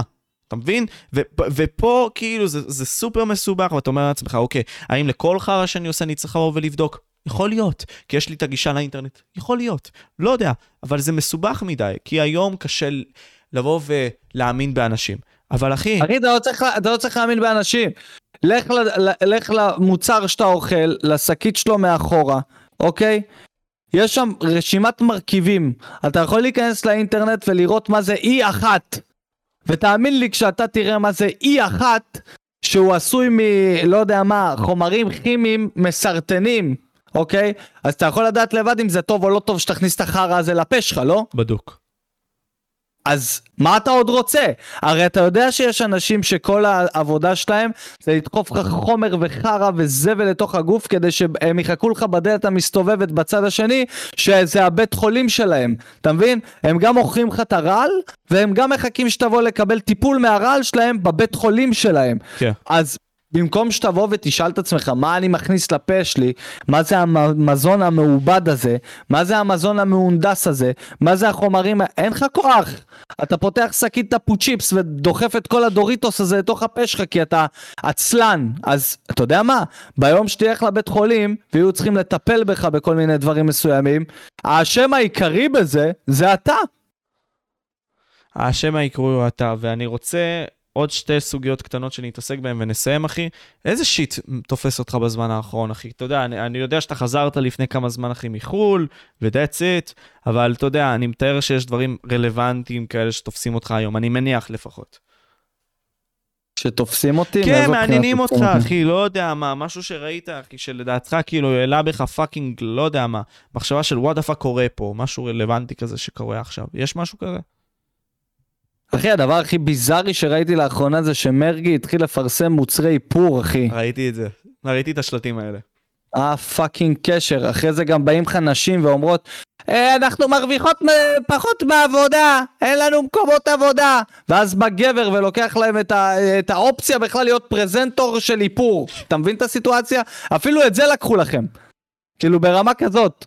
אבל, אבל איזה מוצרים הוא מביא? כאילו, מה... מה הוא מנסה? כי אתה ראית את הפרסום? אני לא יודע פשוט. אחי, ראיתי שלט של מרגי עם איפור בעיניים, זה מה שראיתי. אוקיי. Okay. ראיתי עכשיו אנשים בחו"ל, אחי, גברים סטרייטים לחלוטין, הולכים עם חברה שלהם עם חולצת בטן. אחי. גברים התחילו, גברים התחילו ללכת עם חולצת בטן, אחי. אני אוהב את זה, זה כאילו, זה מדליק כזה, אתה כאילו, אתה יכול, אתה יכול ללכת ככה. בדיוק, וזה, בדיוק. וואו, אחי, holy fuck, מגניב, אוקיי. אחלה, אחלה six pack. היה, היה לי יותר טוב, היה לי הרבה יותר טוב, אחי. אבל האגו שלי ניסה לעשות את זה עכשיו, לא יודע למה קמתי ככה. טוב שלא הגזמתי והרמתי הכל, אחי, להרים גם את הפטמות. לא, אבל, אבל אחי, זה נורא, זה נורא, נגיד. דיברנו על זה, אחי, הגבריות. כשלעצמה נופלת לנשיות, בזמן שנשיות הופכת לגבריות. אני מצביע למהפכת הגלולות, אחי, שהיא די... אחי, אל תצביע ל fucking כלום, אתה יודע מה יקרה בסוף? מה יקרה? כל אותם גברים נשיים שהם לא gays, עוד פעם, אין לי בעיה עם gays, אם אתה, גיי, אחי, it, לך על זה, תעשה מה שאתה רוצה. כל הגברים הנשיים האלה, אחי, שרודפים אחרי fucking טרנדים, רק כי הם טרנדים, בסופו של דבר יבינו דבר אחד, שים לק, שים, שים חולצת בטן, תעשה מה שאתה רוצה. אבל חברה שלך, אחי, תבגוד בך עם המוסכניק הארס, עם הגלח, כי הוא גבר פי 20 ממך, אתה מבין? זה אה, בדיוק הסיבה. אה, אה, אוקיי. זה, זה מחשבה מעניינת, כי אני רואה כל כך בקניונים גברים שהם נשיים כאלה. נגיד, הלכתי עם חבר שלי לפני כמה זמן לקנות את הכוס היפה הזאת, שמי שרוצה אולי אני אמכור אותה בעתיד. כאילו, הופה. מסה, אוקיי, רק אומר. בכל מקרה, הלכתי לשם, וראיתי מלא זוגות של, אתה יודע, מלא זוגות של פשוט גברים שהם fucking, אתה רואה רכרוכיים כאלה, והם לא gays. כאילו, לפחות, הם, הם מתנהגים כמו gays, אבל הם נמצאים עם אישה. אז אתה אומר לעצמך, מה הולך פה, אחי? כאילו, האם נשים בעצם, וזה איזשהו מחקר שראיתי, בגלל הגלולות, אוהבות גברים שהם יותר נשיים. לא יודע, יש מחקר כזה שהראה את זה. האם אנחנו הולכים לשמה? כאילו, אני לא יודע. האם הגלולות האלה באיזשהו מקום גורמות לכך שהם יאהבו גברים נשיים, או שלחלופין, לא יודע, בגלל שהדור שלנו הוא כזה חלש, אז אתה יודע, כמו שאתה אומר, הם ילכו ל fucking איציק, הפאקינג ארס, אחי, ה fucking confident, שיבוא וישבור אותה, מה שנקרא. שמע, אם יש לך אישה נשית, ואתה נשי, יום אחד אתה תחזור הביתה ואתה תגלה שאיציק מפמפם את חברה שלך. אם יש לך אישה שהיא הדומיננטית, והיא, והיא השולטת, והיא איתך כי אתה נשי, זה בדיוק הסיבה שהיא איתך, כי היא מחפשת את הצלע שישלים אותה, היא מחפשת משהו נשי. לך אין בעיה להיות הצד הנשי בבית, אחי. אז תהיה הצד הנשי בבית, הכל בסדר. אבל דע לך, שאם אתה חושב שתצא עם, ב- אם אתה מצפה למצוא מישהי נשית, אוקיי? כן. ואתה מתנהג כמו פוסי, אז זה לא יחזיק הרבה זמן, אתה מבין? וכאילו, אתה תגלה את זה בהמשך. כי אם היא נשית, היא צריכה גבר. זה הכל. לא משנה מה. ואם היא גברית, היא תצא עם uh, זה. היא תצא עם מישהו חלש ממנה. מישהו שכאילו הוא הדמות הנשית בבית, ואתה יכול לראות את זה בכל זוג, אחי. יכול לראות את זה בכל זוג. יש אחד דומיננטי, אה, אה, אה, המסקלן, כן. ואחד שהוא, אה, ואחד שהוא הנשי. וזה. לא בהכרח, כן, והוא לא בהכרח הגבר או לא בהכרח ה- ה- ה- האישה, אתה מבין? לגמרי, אחי. בוא ניתן איזשהו אה, מסר אחרון, אחי, ממך. קודם כל, צ'אט, אני מאוד מעריך אתכם, לכל מי שנמצא פה, ויצפה גם בשידור אחרי זה. אני חושב שדיברנו פה על לא מעט נושאים, אחי, ואתה יודע, אני אוהב לדבר איתך, אחי, אבי. לגמרי. כן, כנ"ל. היה לי כיף.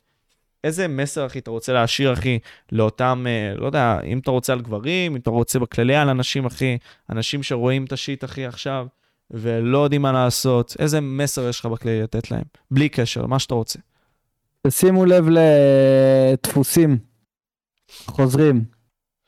משמע, שימו לב איך משחקים לנו בראש, אה, כי באמת יש דבר אחד שאני אמרתי לך, אני בתקופה האחרונה לא בחרתי צד לגבי מה שקורה פה במדינה, כאילו אם, אם, אם אכפת לי מהרפורמה או לא אכפת לי מהרפורמה, כי בשורה התחתונה, אחי, אה, את הזכויות שלי שללו לפני שנתיים, כי לא היה לי אה, תו.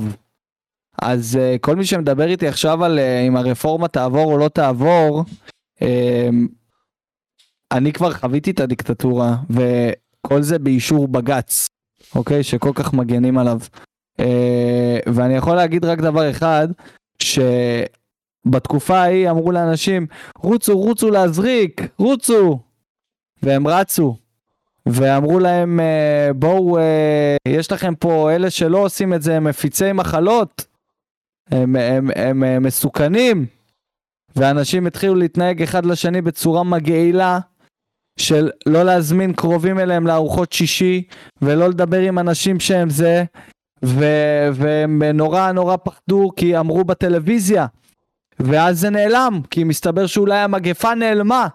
אבל אה, ואז התחילה המלחמה ברוסיה. ואז אמרו לנו חבר'ה אתם בצד של אוקראינה וסיפרו לנו למה אנחנו צריכים להיות בצד של אוקראינה מבלי לספר לנו מה אוקראינה עשתה ל fucking רוסיה כל השנים האלה או איפה הם חתכו את הזמנים שלהם ואיפה הם עברו את הגבולות שלהם ואז כולם התחילו להחליף את ה fucking תמונת פרופיל שלהם לתמונה של fucking אוקראינה כמו כבשים כמו fucking בוטים אחי כי אמרו להם כי זה מה שטרנדי עכשיו ועכשיו אומרים להם שאם הם לא יצאו להפגין אז ייקחו להם את הדמוקרטיה. אז הם עושים את זה. ואמרו להם שאנדרו טייט הוא מכה נשים, אז הם אמרו אנדרו טייט מכה נשים, ופתאום אני שם לב אחי שאין לי כוח להתווכח עם אנשים כי הם fucking בוטים, והם לא חושבים לבד, הם חושבים שהם חושבים לבד, אבל הם לא, וזה מה שמעצבן אותי עוד יותר, כי אם לפחות, לפחות, הייתם חושבים לבד ומגיעים למסקנות, אז בסדר, אבל איך יכול להיות שכל המסקנות שלכם הן מסקנות שהטלוויזיה סיפרה לכם, אתה מבין? אני אגיד... תמשיך. זאת הנקודה שלי, אחי, בגדול, כאילו, מספיק לעשות מה שכולם עושים רק כי זה, כי אתם חושבים שזה מגניב, ומספיק ללכת אחרי מה שכולם עושים, כי זה, לפחות תעשו את זה כי אתם רוצים, ולא תעשו את זה כי כולם עושים. אין דבר יותר מעפן ממישהו שעושה משהו רק כי כולם עושים את זה. אתה מבין? אנשים חסרי אישיות וזה מעצבן אותי, זהו. מסכים, אני מבין אותך לגמרי. הרי הרבה מאוד אנשים הולכים כי השבט הולך, כי הקבוצה הולכת, כי הם רוצים להרגיש שייכים בעידן הדיגיטלי שלנו. ורוצים, אתה יודע, כמו, כמו המדינות של פעם, באיזשהו מקום, להילחם למען מטרה כלשהי, כי זה מרגיש לי נכון. אבל בהכרח, האם זו האמת האחת הזאת שדיברת עליה, אחי? האם זה הדבר הנכון? ופה, כולנו נופלים באיזשהו מקום, כלומר, כולנו באיזשהו מקום כבשים, אבל יש תדר לזה. כלומר, אני יכול לראות עכשיו קליפ בטיקטוק שיעצב לי את התודעה, ואתה תגיד לי מחר, נגיד, סתם משה תחמר, אחי, זה לא באמת מה שקרה במציאות, ואין מה לעשות. אבל בבעיות כאלה, שאתה יכול לחקור אותן, אידיאולוגית, לעומק, ו... וזה משבר שהוא לא יתמשך מחר רק, שהוא יהיה כבר הרבה מאוד זמן. אם אתה בוחר לא לחקור אותו ואתה מגן עליו כל כך הרבה, אולי אתה הבעיה בחברה. ולא האנשים שאתה בא ומנסה לספר להם את הסיפור על אותו דבר. בדיוק, אם אתה כבר מגן על משהו אז לפחות ת, ת, ת, תלך ותבין על מה אתה מבזבז כל כך הרבה אנרגיה, אתה מבין? כי אם לא היית פותח את הטלוויזיה אז לא היית יודע שיש בכלל מלחמה בין רוסיה לאוקראינה, זה בכלל לא משנה לך, אבל בחרת שכן. לגמרי. ובחרת להתערב, ובחרת של זה, ואם יש עוד דבר אחד שאני ימליץ לצופים שלך, אחי, שזה משהו שמשנה משנה את הכיוון של החיים לגמרי, אחי. תתחילו לעשות מדיטציות ותרגילי נשימות של ווים וולף. יש את ה... ביוטיוב את כל התרגילי נשימות שלו. אם אתם יכולים לעשות אחת לכמה זמן מקלחת קרח, זה מעולה. Uh, תתאמנו. לא בשביל הגוף שלכם, אה, בשביל הצורה הפיזית שלו. תתאמנו כי זה גורם לכם להיות קשוחים יותר, זה גורם לכם לא לוותר על דברים גם שקשה, זה גורם לכם לעמוד ביעדים, זה גורם לכם... קיצור, פשוט תתחילו, ת, תחזרו, ת, תגרמו לגוף שלכם להיות קצת יותר קשוח במקום כל היום להזמין וולט, שזה במרחק הליכה מכם הפיצריה, אבל אתם מזמינים fucking וולט, כמו איזה pussies. כי אם אתם לא רוצים שעוד עשור אתם תעבדו אצלי, כולכם, אז uh, תתחילו לפתח את העסק שלכם בעצמכם ואת העמוד שדרה שלכם בעצמכם. אמת, אחי, fucking אמת, ולגמרי אני מסכים עם כל הדברים האלה שאמרת, לפחות בסוף. לא, גם בלי קשר, נקודה, גם הסכמתי בחלק הראשון. אני אומר, גם ויזואליזציה היא סופר חשובה. כלומר, לדמיין את הדברים שאתה עושה, והחשיבות של האמונה בעצמי. כלומר, לתת את הכוח הזה שנגיד סתם היינו נותנים לאלוהים, לתת אותו לעצמנו ולהאמין בעצמנו. וזה סופר חשוב, אחי. ואני רוצה, אחי, קודם כל להגיד לך תודה, אחי אבי. קודם כל, אתה יודע, אתה מבין האנשים, אחי, שאני באמת, באמת מעריך ברשת. באמת, אחי. תודה רבה, אח שלי. ללא תנאי, לא, לא ספק, אחי. Um, אני, אני קודם כל רוצה, אחי, שתעקבו אחריו ב fucking יוטיוב, אבי ג'וני עזרי, ב fucking אינסטגרם, בטלגרם, בפייסבוק, כל ה fucking לינקים יהיו למטה בתיאור, בספוטיפיי, אם fucking אוכלים את ה fucking ראש, אחי, שנמצא, אחי, ותשמע, אני אוהב את ה shit, אחי, אני אוהב את התוכנית, אחי. זה עוד בידורי כזה, קומי כזה. אתה לא לוקח את הדברים ברצינות, אבל כן מדבר על דברים רציניים. רק פה אני מדבר ברצינות, אחי. כוסימה שלי, אחי, אני... אני... זה טוב, זה... אתה שואל אותי שאלות רציניות ואני צריך uh, לענות uh, תשובות באיזשהו מקום uh, רציניות. אבל uh, הנה נקודה קטנה ונסיים עם זה כי אני רואה פה שמישהו הגיב. Uh, אני לא יודע על המלחמה באוקראינה בגלל הטלוויזיה, אני מכיר אוקראינים שהחיים שלהם נהרסו בגלל זה. חלאס עם המחשבה הזאת שכל שיט שקורה בעולם קיים רק בטלוויזיה. אז אני בטוח שחיים של אוקראינים נהרסו בגלל זה, ואני בטוח שהמלחמה הזאת קיימת. אני רק אומר שבגלל אה, החדשות החליטו בשבילנו שאנחנו צריכים לבחור את הצד של אוקראינה, אבל אם אתה רגע הולך לבדוק מה אוקראינה עשתה לרוסיה ואיפה היא התגרתה ברוסיה, אתה יכול להבין שאולי יש פה עוד דברים מאחורי הקלעים, ואולי הרוסים יש להם גם צד הגיוני במה שקורה שם. ועוד פעם, זה לא נקיפות וכאלה וזה. כי גם בכל לנאצים מקרה- היה צד הגיוני, אחי. אתה מבין שאנחנו היינו צריכים להבין. האם אנחנו מסכימים איתו? לא, אבל... אחי, זה לא בדיוק אותו דבר, אבל בוא נגיד שלכל כל מטבע יש שני צדדים, אמת. אוקיי? ואנחנו שומעים רק נרטיב אחד פה, אנחנו מקבלים רק נרטיב אחד. וזה כן. הדבר הכי מסוכן שיש, אחי, צריך לשמוע את שני הצדדים ולהחליט מה אתה חושב, ולא לשמוע רק צד אחד ולהגיד, אה, אוקיי, סבבה, אז אני בצד הזה או לא. לגמרי. חבר'ה, שמתי את הלינק של אבי פה בתיאור, תיכנסו, תנסו כמה שיותר, אתם יודעים, לחקור את התוכן שלו, ואם אתם אוהבים, תשימו גם את הלייק, את הסאב, את כל השיט, אחי, שמתלווה עם זה. ואם אתם רוצים לשמור איתנו בקרוב על קשר, דיסקורד, כל מיני כאלה, אני עונה שם, אינסטגרם, אותו דבר. אה, אח שלי, יאללה, מעריך אותך, אחי. תודה רבה לך, אחי. יאללה, לילה טוב, אחי, bye bye. bye, חבר'ה.